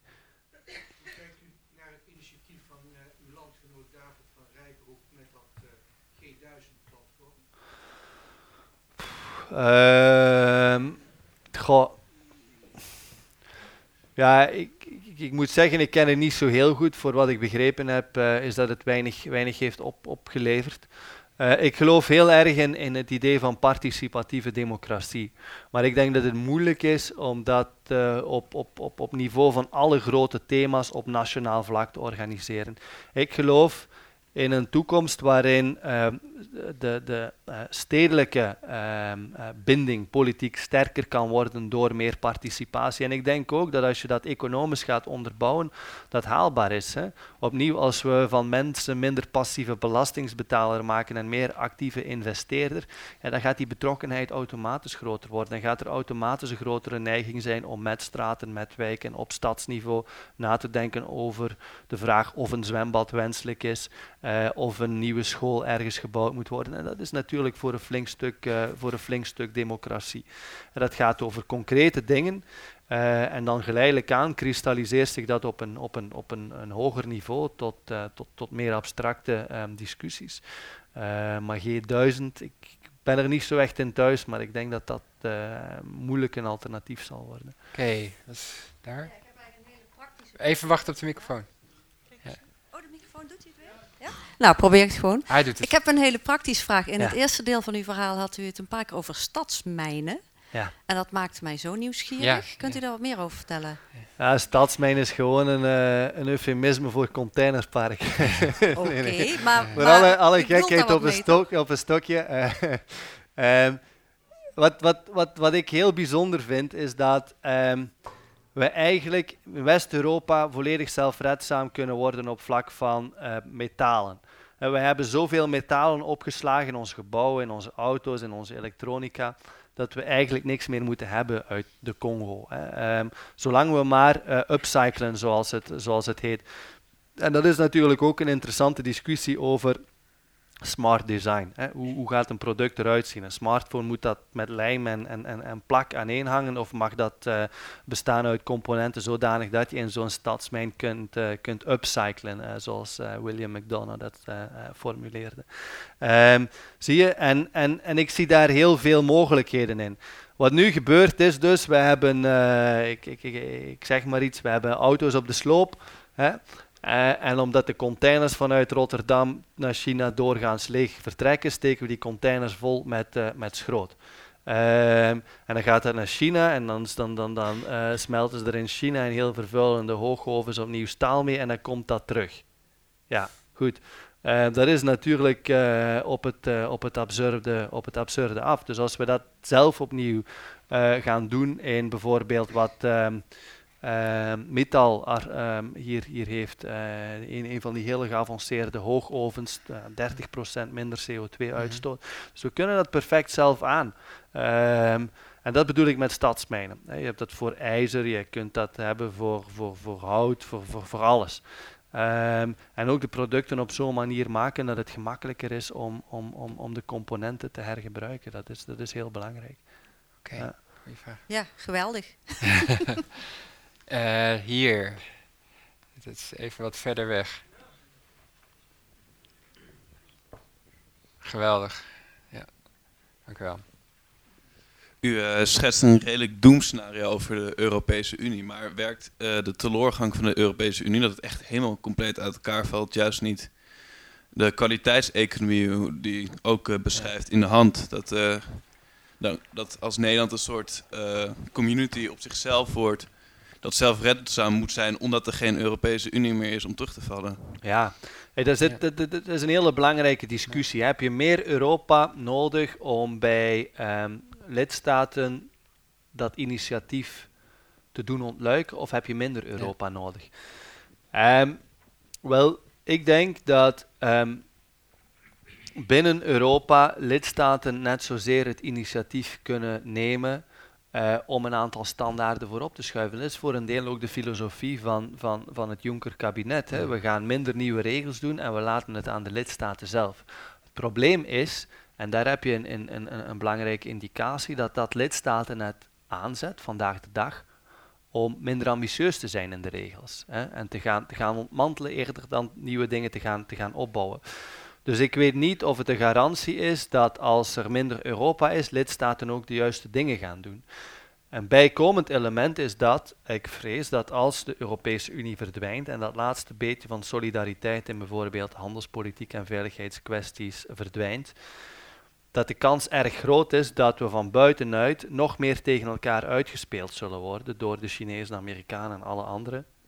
Uh, zodanig dat we nog meer uh, compromissen maken op die waarden, uh, op die normen. Uh, en door, de, door al die landen nog meer onder druk kunnen worden gezet om onze grens te openen voor eigenlijk het soort van producten dat we niet willen. Dus wij, ik ben een eurorealist hè, en, en ik vind zoals Europa nu werkt, mag het van mij gerust verdwijnen. Hè. Uh, maar ik denk wel dat als we er geen beter Europa voor in de plaats zetten, uh, dat we slechter af zijn. Uh, maar dit is een hele oude discussie. Hè. Ehm, die, je kunt die bijvoorbeeld terugzien al eh, in de Achaemenidische Liga in het klassieke uh, Griekenland, waarin er een discussie was, moet er samenwerking zijn tussen de stadstaten of niet. Hetzelfde bijvoorbeeld in 15e, 16e eeuwse Italië, de, de stadstaten daar. Moeten we front vormen tegen Habsburg en Frankrijk of, of, of moeten we net gaan balancen, op eigen initiatief gaan proberen de grootmachten uiteenspelen of niet. En er zijn zo heel veel lessen uit de geschiedenis. En als je naar al die lessen kijkt, dan ben ik geneigd om tot de conclusie te komen dat fragmentatie doorgaans de positie van uh, uh, landen verzwakt. Uh, maar ik denk dat binnen Europa echt landen eh, als Nederland, eh, regio's ja. als Vlaanderen, hun, hun, bevoegdheden moeten opnemen om die stap voorwaarts te zetten. En Europa houdt dat niet tegen. Maar, maar heeft de nationale staat eigenlijk in jouw verhaal nog, nog een, een, een, plek? Want waar je het over hebt is lokaal, je noemt net regionaal, je hebt het over Vlaanderen, dat is dat is een heel bijzonder verhaal. Ja, moet kijken maar wat, wat moeten we eigenlijk met een nationale staat in ja, dit uh, verhaal? Ja, ik ben daarin heel pragmatisch. Ik, ik, ik ben niet nationalistisch, ik ben niet regionalistisch. Voor mij is een politiek vehikel bestemd of gedoemd om te sterven zodra het de belangen van uh, de onderdanen niet meer dient. Mm -hmm. Of dat nu een staat, een, een regio, een stad, een rijk of wat dan ook is, ze gaan allemaal weg van zodra dat ze de belangen van de onderdanen niet meer, niet meer dienen. Realiteit is vandaag dat de meeste bevoegdheden, de belangrijkste bevoegdheden, toch nog altijd zitten op het niveau van, van, van, van, van, van de staten. Ehm, in een aantal gevallen al bij de regio's, zoals in, in, in, in, in mijn land. En ik denk gewoon, bestuurlijk moet het initiatief komen van daar waar de verantwoordelijkheid zit. Ehm, daar waar, waar de hefbomen eh, zitten. Ehm, en, en, en vandaag heb je de realiteit dat iedereen naar elkaar kijkt. Dat Den Haag kijkt naar Europa, Europa kijkt naar de lidstaten. De steden beginnen steeds kritischer te worden over Den Haag, want Den Haag is niet meer, eh, heeft geen voeling meer met de realiteit eh, aan de basis. Ja, en zo kun je blijven doorgaan. En dat is ook weer een situatie in mijn land. Hè. Dus eerst was het van, oh, alles wat Belgisch is, is slecht. Dus maar Vlaams. Ja, en nu op Vlaams niveau kunnen ze geen verhaal presenteren en dan wordt het Gent tegen Antwerpen, tegen Limburg en, en ja, zo kun je door blijven fragmenteren zonder dat we er beter van worden. Mhm. Oké. Nog? De meneer daar, ja, Ik zie het niet goed. hier. Ah, Ja, Hoe realistisch is uw idee van regionale bevoegdheden als tegelijkertijd de Europese gemeenschap met voorgaan Angela Merkel bezig zijn met de Amerikanen TTIP te doen ja, precies dat wat u wil, namelijk regionale bevoegdheden, om dat uit de democratie eruit te repareren. ja. Ja, ik ben eh, bijzonder kritisch over TTIP hoor. Ehm, en, en, en dat is ook een boodschap die ik probeer zoveel mogelijk kun, je- eh, kun je over misschien even voor Ja, dus uitleggen? TTIP is dat, dat geducht vrijhandelsverdrag tussen de Europese Unie en, en, en de Verenigde Staten. Ehm, een aantal zaken. Hè. Eerst en vooral vind ik het eh, ehm, onaanvaardbaar dat ehm, eh, toch voor een stuk de soevereiniteit van een samenleving om te beslissen over waarden. Hè. Dan heb ik het echt niet alleen over technische standaarden, maar over de waarden die een economie vormgeven. eh, dat we daar niet aan mogen tornen. In, geen enkel, in geen enkel opzicht. Een tweede element is ook dat voor mij, en ik heb een aantal van die interne studies zien passeren, de, ehm, de, de eh, inschatting van eh, de positieve baten voor onze economie schrommelijk overdreven zijn. Eh, als ik bijvoorbeeld zie dat er een, een, een, groei van de ehm, toegevoegde waarde in de dienstensector in Europa zal, zal zijn van, van ongeveer 0,8% per jaar.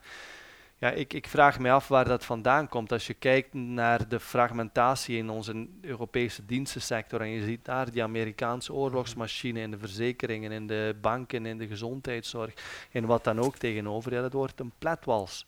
En dat uit zich nu al voor een stuk in de, eh, in de handelscijfers. Hè. We hebben een gigantisch deficit met de Amerikanen op, eh, op, op, op diensten. We hebben nog een veel groter deficit op alles wat met intellectuele eigendomsrechten eh, te, te, te doen heeft. Dus ik zie niet in hoe TTIP dat gaat, gaat, gaat rechtzetten. Ik denk dat TTIP, gezien de comparatieve voordelen van Amerika, vooral in diensten, nadelig is voor, voor, voor, voor, voor Europa.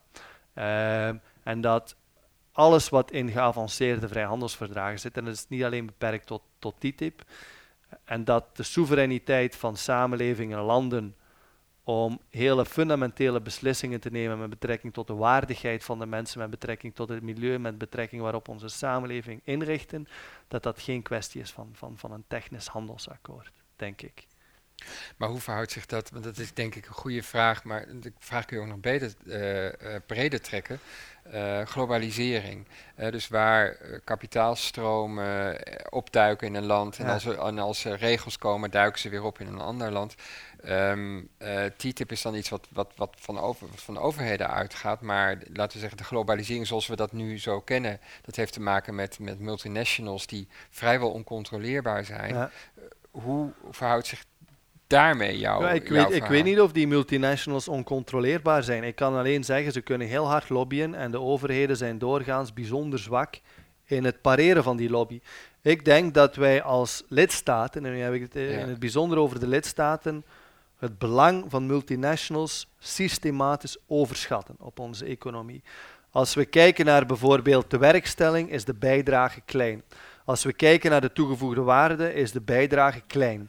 Als we kijken naar onderzoek en ontwikkeling, is de bijdrage klein En is het vaak voor mij zo ehm, dat multinationals eerder profiteren van de offers die wij brengen aan, als samenleving in fundamenteel onderzoek in universitaire ziekenhuizen en allerlei spin-offs en, enzovoort enzovoort, waarna zij voor een habbekrats worden overgenomen door multinationals en dan internationaal ver- ver- vermarkt worden. Dus ik denk dat multinationals op dit moment zin, zinvolle connectoren zijn tussen ehm, eh, de eh, landen, tussen de markten, maar dat we het belang niet mogen overschatten. Ehm, en dat we eh, voor mij veel meer moeten kijken naar al die kleine en middelgrote ondernemingen die, die, die ehm, eh, de meerderheid, de grote massa van de jobs creëren, de grote massa van de fiscale inkomsten, de grote massa ook van, van, van, van, van, de, toegevoegde, van de toegevoegde waarde. Maar dan moet je als overheid natuurlijk sterk durven, eh, durven zijn. Neem nu het, eh, we- bespraken het denk ik in, in het, in het, eh, tijdens het etentje voor, voor de discussie, Shell hè, Ja. kwam, te, kwam te sprake. We hebben dat bedrijf een aantal keren bediscussieerd. Wat is, wat, is, wat is de bijdrage van Shell aan de BV Nederland fiscaal? Ja, dat is een, een bijzonder mager beestje. Wat is, de, wat is het de werkstelling bijvoorbeeld? Ik wil daarmee niet zeggen dat het bedrijf op zich niet machtig en sterk is. Maar de impact op de Nederlandse samenleving is ook iets wat we niet mogen, mogen overschatten. Dus, vraag, als we kijken naar bijvoorbeeld de relaties met Rusland of de buitenlandse politiek toe, toe, toe koer, moeten we het nationaal belang van de BV Nederland laten leiden door een multinationals als, als Shell. Maar het gaat toch niet zozeer om belang, het gaat toch eerder om impact en, en macht. Het feit dat een, eh, een producent een, fabriek, eh, laten we zeggen in, in Nederland, in Limburg, kan, kan openen en vijf jaar later en allemaal mensen inderdaad kan te werk stellen en vijf jaar later gewoon weer kan sluiten omdat het in Slovenië Ja, maar We kijk, hebben het toch over dat soort Ja, dingen? twee dingen. Los van Tesla, welke zijn de grote investeringen van multinationals in, in, in Nederland de laatste tien jaar? Ik kan me niet voorstellen dat er bijzonder veel zijn. Naar volumes toe wordt er gigantisch veel geïnvesteerd in Mhm. Nederland. Maar wat zijn dat dan? Hoofdkantoren bijvoorbeeld in, in, in, Amsterdam. Zogezegde R&D-activiteiten van miljarden, waarvan er maar een klein stukje effectief wordt Hier omgezet in, in, in, in, in, in R&D. En daarbij ook de vraag van waarom kunnen wij ons eigen vermogen niet beter in te zetten om zelf te doen wat we vragen die multinationals ehm, eh, hier, te komen, eh, do- hier te komen doen. Eén, multinationals doen niet aan ontwikkeling sa- samen of aan, aan, aan ehm, liefdadigheid. Nee. Dat kost ons ook geld. Hè. Heel veel van de investeringsinkomsten van die multinationals, dat, dat verdwijnt terug. Daar heb je niks aan. Ehm, vaak is er ook een kwestie, of is er sprake van verdringing. Een multinational neemt gewoon de activiteit van een bestaande sector eh, over, eh, zonder dat er echt veel, veel nieuwe dingen, eh, dingen gecreëerd worden. En ik denk ook, hoe, hoe, hoe, hoe komt het dat ondanks alle expertise die er in Nederland en Europa is, dat wij geen Tesla hebben? Mhm. Hoe komt dat? Ja, dat heeft natuurlijk ook voor, voor een stukje te maken dat we als overheid veel van de ehm, potentiële bijdrage van kleine en middelgrote ondernemingen te weinig samenbrengen. Ehm, dat, we die, dat we die marktspelers te weinig, te weinig connecteren, te weinig netwerken eh, eh, creëren en, en, en bespoedigen. En ook, en dat is een ander element, dat wij onze financiële markten onvoldoende ontwikkelen zodanig dat ze onze reële economie ondersteunen. Dat is ook een probleem. Hè? Als je in de VS wilt iets opzetten, dan heb je natuurlijk via Wall Street zoveel geld, gratis geld, eh, te, te, te, te- ter beschikking bijna. Je kunt knoeien zoveel je wil.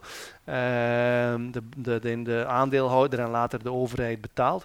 Ehm, ja, dat is in, in, in, in Europa natuurlijk niet mogelijk, maar we zitten te, te ver in een ander extreem waarbij onze kapitaalmarkten te weinig de reële economie ondersteunen. En dan krijg je een situatie waarbij pensioenfondsen, grote banken, de grote massa van hun vermogen hebben zitten in, in, in, in, in allerlei gekke, gekke dingen die, die, die totaal geen binding hebben met de Nederlandse Mhm. economie. Mhm. Zie je, en dat moet je als overheid ook durven, durven eh, eh, veranderen, Mhm. vind ik. Allee, ik heb meer en meer de indruk dat het aantrekken van buitenlandse investeringen en multinationals een beetje een, een surrogaat aan het worden is voor het uitblijven van een eigen sterk economisch beleid. Mhm. Het is gemakkelijk, hè? Van, we slagen er zelf niet echt in. Hè? Dus laat, laat maar een of andere Amerikaan of Chinees naar hier komen om eh, een blik open te trekken en, en de boel te organiseren. Waar- waarom doen we het zelf niet meer? Mhm. Maar het punt is, die zijn al gekomen. Hè? Dus eh, heel veel economieën in Europa valt geloof ik nog mee. Maar of het Af- Afrikaanse continent is al bijvoorbeeld helemaal opgekocht door de Chinezen. Dat is al Ja, ja. zover. Dus Ja. nogmaals, ik wil je niet weer in de cynische hoek drijven of zo. Maar, maar, maar dat is al aan de hand. En, en, en wat in de face of that kunnen wij daar dan nog aan doen? Maar Het nu gaat heel macht. concreet over de Chinezen in Afrika, over ontwikkelingslanden. Eh, je stuurt me nou echt wel alle hoeken van, eh, van de discussie. eh, maar goed, de Chinezen in Afrika, wel, ik denk dat de Chinezen in Afrika moeilijke tijden tegemoet gaan om de eenvoudige reden. Kijk, ze hebben sinds, tweede, sinds 1999 voornamelijk, hè, toen, toen de go-out-politiek gelanceerd werd, hebben ze voor ongeveer 85 miljard dollar aan krediet verschaft aan de Afrikaanse landen. Hè, gekoppeld aan wegen, aan havens en al, allerlei andere dingen. Maar natuurlijk met het idee dat de vraag vanuit China naar grondstoffen op peil zou blijven, de internationale eh, grondstoffenprijzen hoog genoeg zouden, eh, zouden blijven. En dat die Afrikaanse landen die leningen gemakkelijk konden terugbetalen. Ja, dat is dus op dit moment niet waar. Nee. Dus de, die, die Afrikaanse landen die kunnen dat niet meer terugbetalen. En dus nu staat de Exim Bank in China en de China Development Bank voor een probleem. Wat gaan we doen? Die Afrikanen de arm omdraaien en ze laten betalen en anders claim leggen op mijn, met als gevolg dat we, dat we opstand eh, Mhm, tegen mhm, ons mhm. creëren, want dat gaat er komen en in een aantal landen is dat al aan het, eh, aan het broeien. Ofwel zeggen we een rollover en eventueel kwijtschelden en dan is het de Chinese taxpayer die ervoor ophoest, hè, want daar komt het dan eigenlijk eh, ehm, eh, op neer. Opnieuw, ik denk de Chinezen hebben de, de gemakkelijkste periode in Afrika gehad. Hè. Nu, nu, nu wordt het interessant. Eh, en gaan we zien of zij de fouten vermijden die wij in het verleden gemaakt hebben. Mhm. Eh, ik, ben daar, ik, ben daar, ik ben daar niet zeker van. Ehm, voor de rest van de economische realiteit in Afrika is het zeer triest, is triestig. Hè? We hebben nu die 20 jaren van 15, 20 jaar gehad van stijgende grondstoffenprijzen en dat heeft een aantal landen goed gedaan. Maar het is te weinig omgezet in economische diversificatie, los van een klein lichtpuntje als Ethiopië, economisch, minder politiek natuurlijk, ehm, zijn er voor mij in Afrika heel weinig lichtpuntjes. En het is dus in die context dat je die enorme bevolkingsexplosie gaat hebben. Hè? Ehm, en, en, en dan heb je dus het verhaal van de verstedelijking. Hè. Lagos bijvoorbeeld, Nigeria, wordt een stad van 30 miljoen mensen. Hè. Kinshasa, Congo, wordt een stad van, van 20, 25 miljoen mensen. Waar dat geen enkel fabriek staat. Mhm. Hè? Ehm, en dus heb je een CBD met daar rond eindeloze sloppenwijken. En zolang dat er geld in, in dat CBD trikkelt eh, of vloeit van de mijnen in, in, in, in, in Katanga en in Nigeria van, van de olievelden offshore Mhm. in de Golf van Guinea, kun je die stabiliteit afkopen. Maar van zodra dat ehm, die, die stroom stopt en dat bijvoorbeeld een misoogst voor eh, stijgende voedselprijzen zorgt, ja, dan, dan heb je de poppen aan het, eh, Mhm. aan, het, aan het dansen. En dan heb je natuurlijk een bijkomend fenomeen, dat is dat die sloppenwijken meer en meer vatbaar aan het worden zijn voor vormen van georganiseerde misdaad, voor radicalisering. En dat als dat daar begint te broeien, ja, overheden natuurlijk geen, geen, geen, geen, vat hebben. Dus Afrika is een continent van enorm veel potentieel, maar ik denk ook daar heb je een ontwikkelingsmodel nodig dat opnieuw arbeidsintensief is, dat de welvaart beter verspreidt en dat een goed alternatief biedt voor de ehm, ehm, groei die quasi uitsluitend afhankelijk is van de primaire sector. En ik denk voor een stukje dat het verhaal dat ik net Ja, schetste, Hetzelfde verhaal eigenlijk. kun je daarin, over, eh, daar, daar, daar, daarin transplanteren. Ja. Ik denk dat landen als Marokko, Tunesië, Egypte zoiets ook heel hard nodig hebben. Als ze daar ook niet eh, binnen de kortste keer een, eh, een, een, nieuwe regime Ja. failure willen meemaken. Dan, dan, sorry, nog even een U-turn en nou weer helemaal terug. En nou terug naar Nijmegen. Dit is een stad waar de gemeenteraad eh, heeft ingestemd met een experiment van het eh, basisinkomen. Eh, dus het was best wel gevaarlijk misschien dat je Ja. hier daar zo... Ik zag al een paar folders Ja, ja, circuleren. eh. Ehm, wa- waarom ben je daar zo tegen? Want de, de, in de discussie over het basisinkomen, dat trouwens ingebracht is door Groen, GroenLinks, eh, lijken veel van dezelfde, in ieder geval laat- laten we zel- zeggen, dezelfde soort van ideeën als jij hebt over nieuwe economie. eh, laten we zeggen, de, de verantwoordelijkheid, productiviteit terug naar de Goeie beurs. vraag. Speelt daar precies dezelfde Ja. rol? Hoe, hoe, waarom ben je daar dan toch tegen? Omdat ik een beetje vind dat eh, de filosofie van het basisinkomen de kaar voor, de, de, de, de, ehm, voor het paard eh, Ja. spant.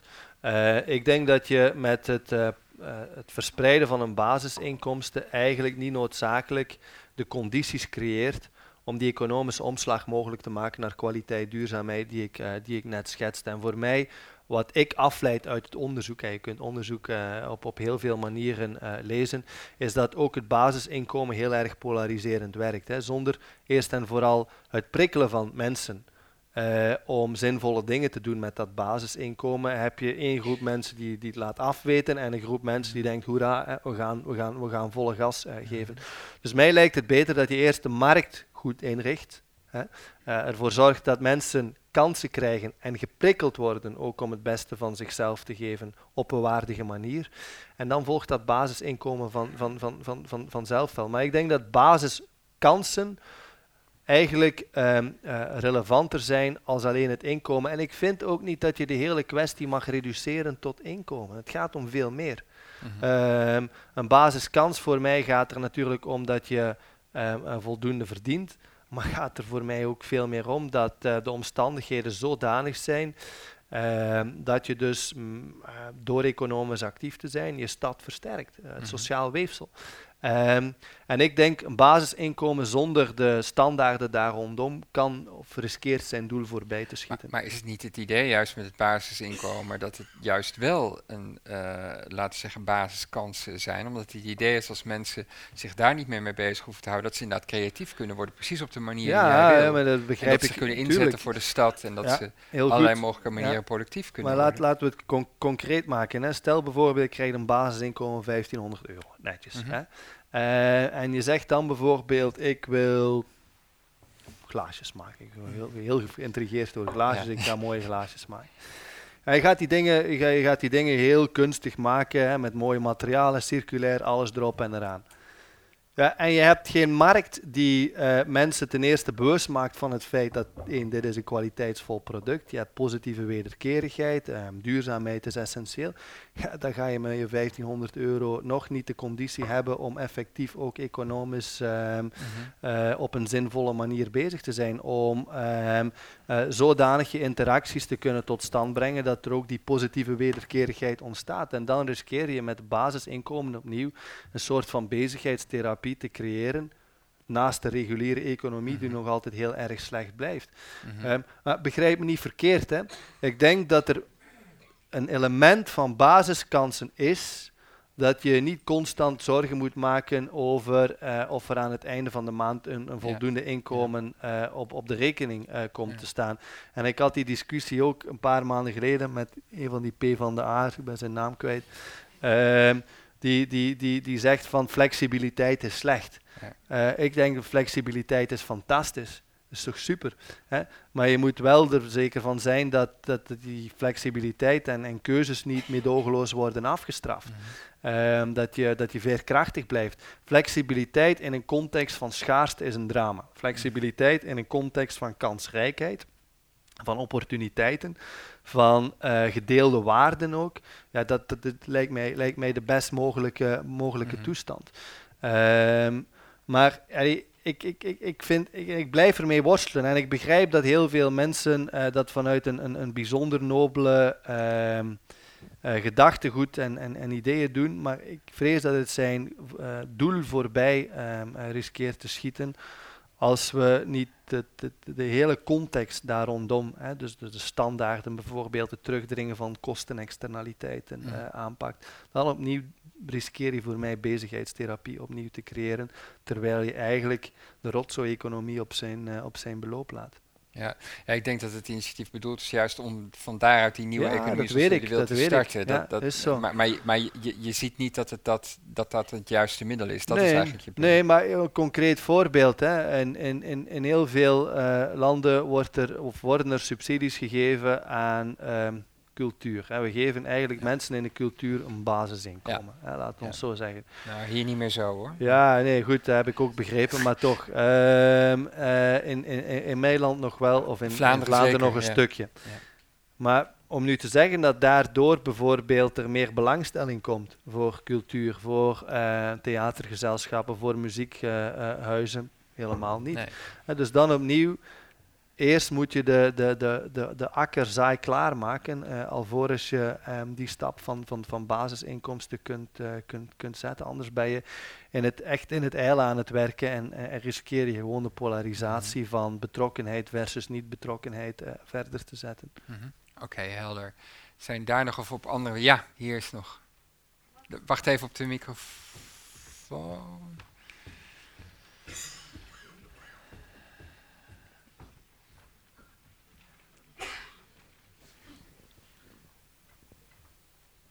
Ja, dankjewel. Nou, om dit allemaal te realiseren heb je onderwijs nodig. Ja. ja.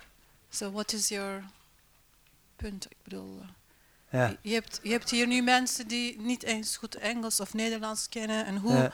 ga je die mensen bij elkaar harken en Mhm. die onderwijs? Ja. Mensen bewust maken van wat we aan het doen zijn. Ja. Lijkt me heel moeilijk. Ja, eerste basisvoorwaarden is zoals je zegt taal en dat is een groot probleem. Hè. Ehm, in, in veel West-Europese landen heb je steeds eh, omvangrijker groepen die de lokale taal niet machtig zijn. Ehm, een anekdote, en dat was een hele recente anekdote. Gisteren kreeg ik eh, toevallig een e-mail van iemand uit mijn straat die eh, heel erg kritisch was over het feit dat wij nu in onze straat een gebedshuis hebben, een islamitisch gebedshuis. En die zijn overlast dit en overlast dat. En dat gebedshuis is er nu al voor, eh, denk een half jaar. Ik ben er nooit, nooit binnen geweest. Maar ik zag licht branden en ik dacht, ik wandel eens, eens binnen en ik ga eens met die mensen babbelen.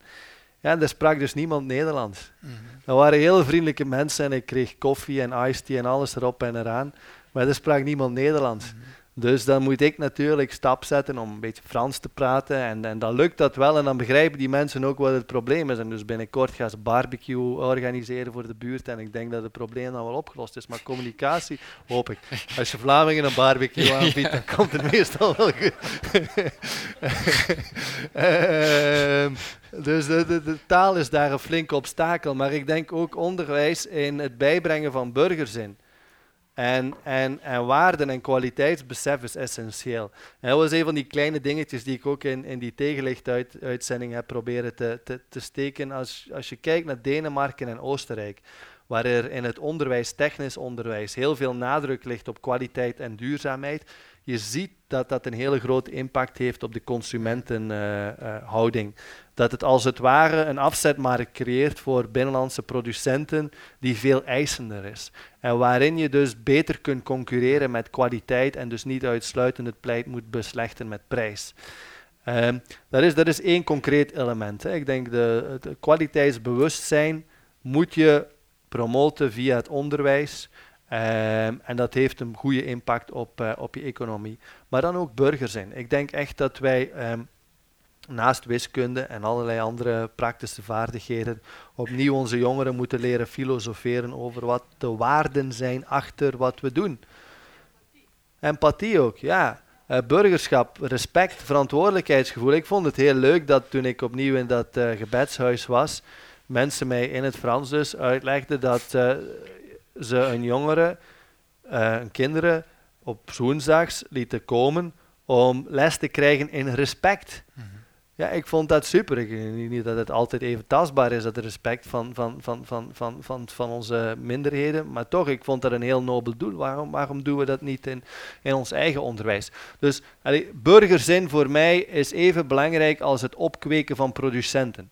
En zonder het opkweken van goede burgers, denk ik ook dat je voor je producenten op termijn weinig kansen creëert. Want burgers zijn eigenlijk, of creëren de situatie waarin je als producent gaat moeten, uh, moeten opereren.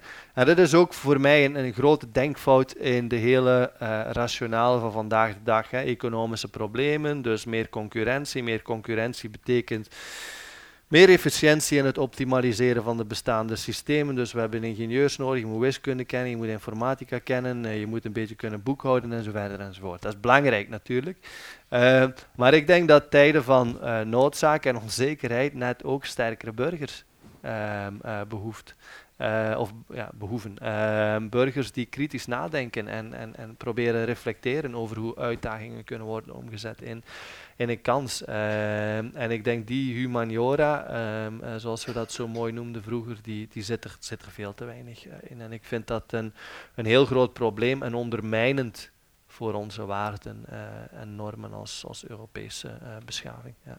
Ik denk dat we met die woorden Europese beschaving eh, een beetje aan het einde gekomen eh, zijn. De tijd is aan het eh, opraken en we moeten nog iets heel belangrijks doen. Ja. Haha, nu wordt het spannend. Nu wordt het echt spannend.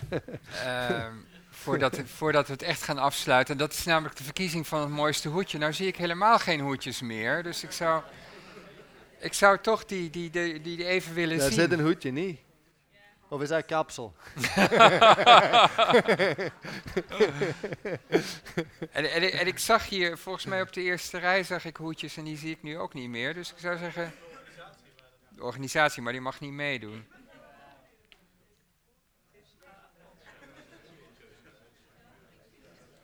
Jonathan, wat denk je? Goh,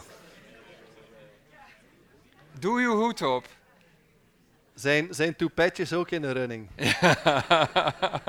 Eh, Pas op, dat wordt gevaarlijk. Als, eh, eh, Ja, ik denk dat de mevrouw dan toch even in het voetlicht moet ik komen. denk het ook. eh, Ik denk het ook. stappen. Ja, ja, ja, ja. ja. Ik, eh, ik ga u zo meteen de boekenbon eh, uitdelen. Van harte gefeliciteerd. Eh, ik kom zo naar je toe. Het is trouwens een boekenpas. Die dingen zijn... eh, Ja. maar, maar hij is evenveel waard. Ehm ehm, Jordan, zeer, zeer, zeer hartelijk bedankt voor je fantastische betoog, voor je inspirerende betoog en bijna nog inspirerende antwoorden op al onze vragen. We hebben je inderdaad alle hoeken van de kamer laten zien, maar ik hoop dat je, je hebt je kranen geweerd, dus ik, ik hoop dat je niet al te moe bent Nee, en nee, nee, weer teruggaat nee, naar, je, eh, naar je mooie Vlaanderen. Zeer bedankt en eh, een groot applaus voor, eh, voor Jordan. Ja, bedankt. Dankjewel. Dankjewel, dankjewel.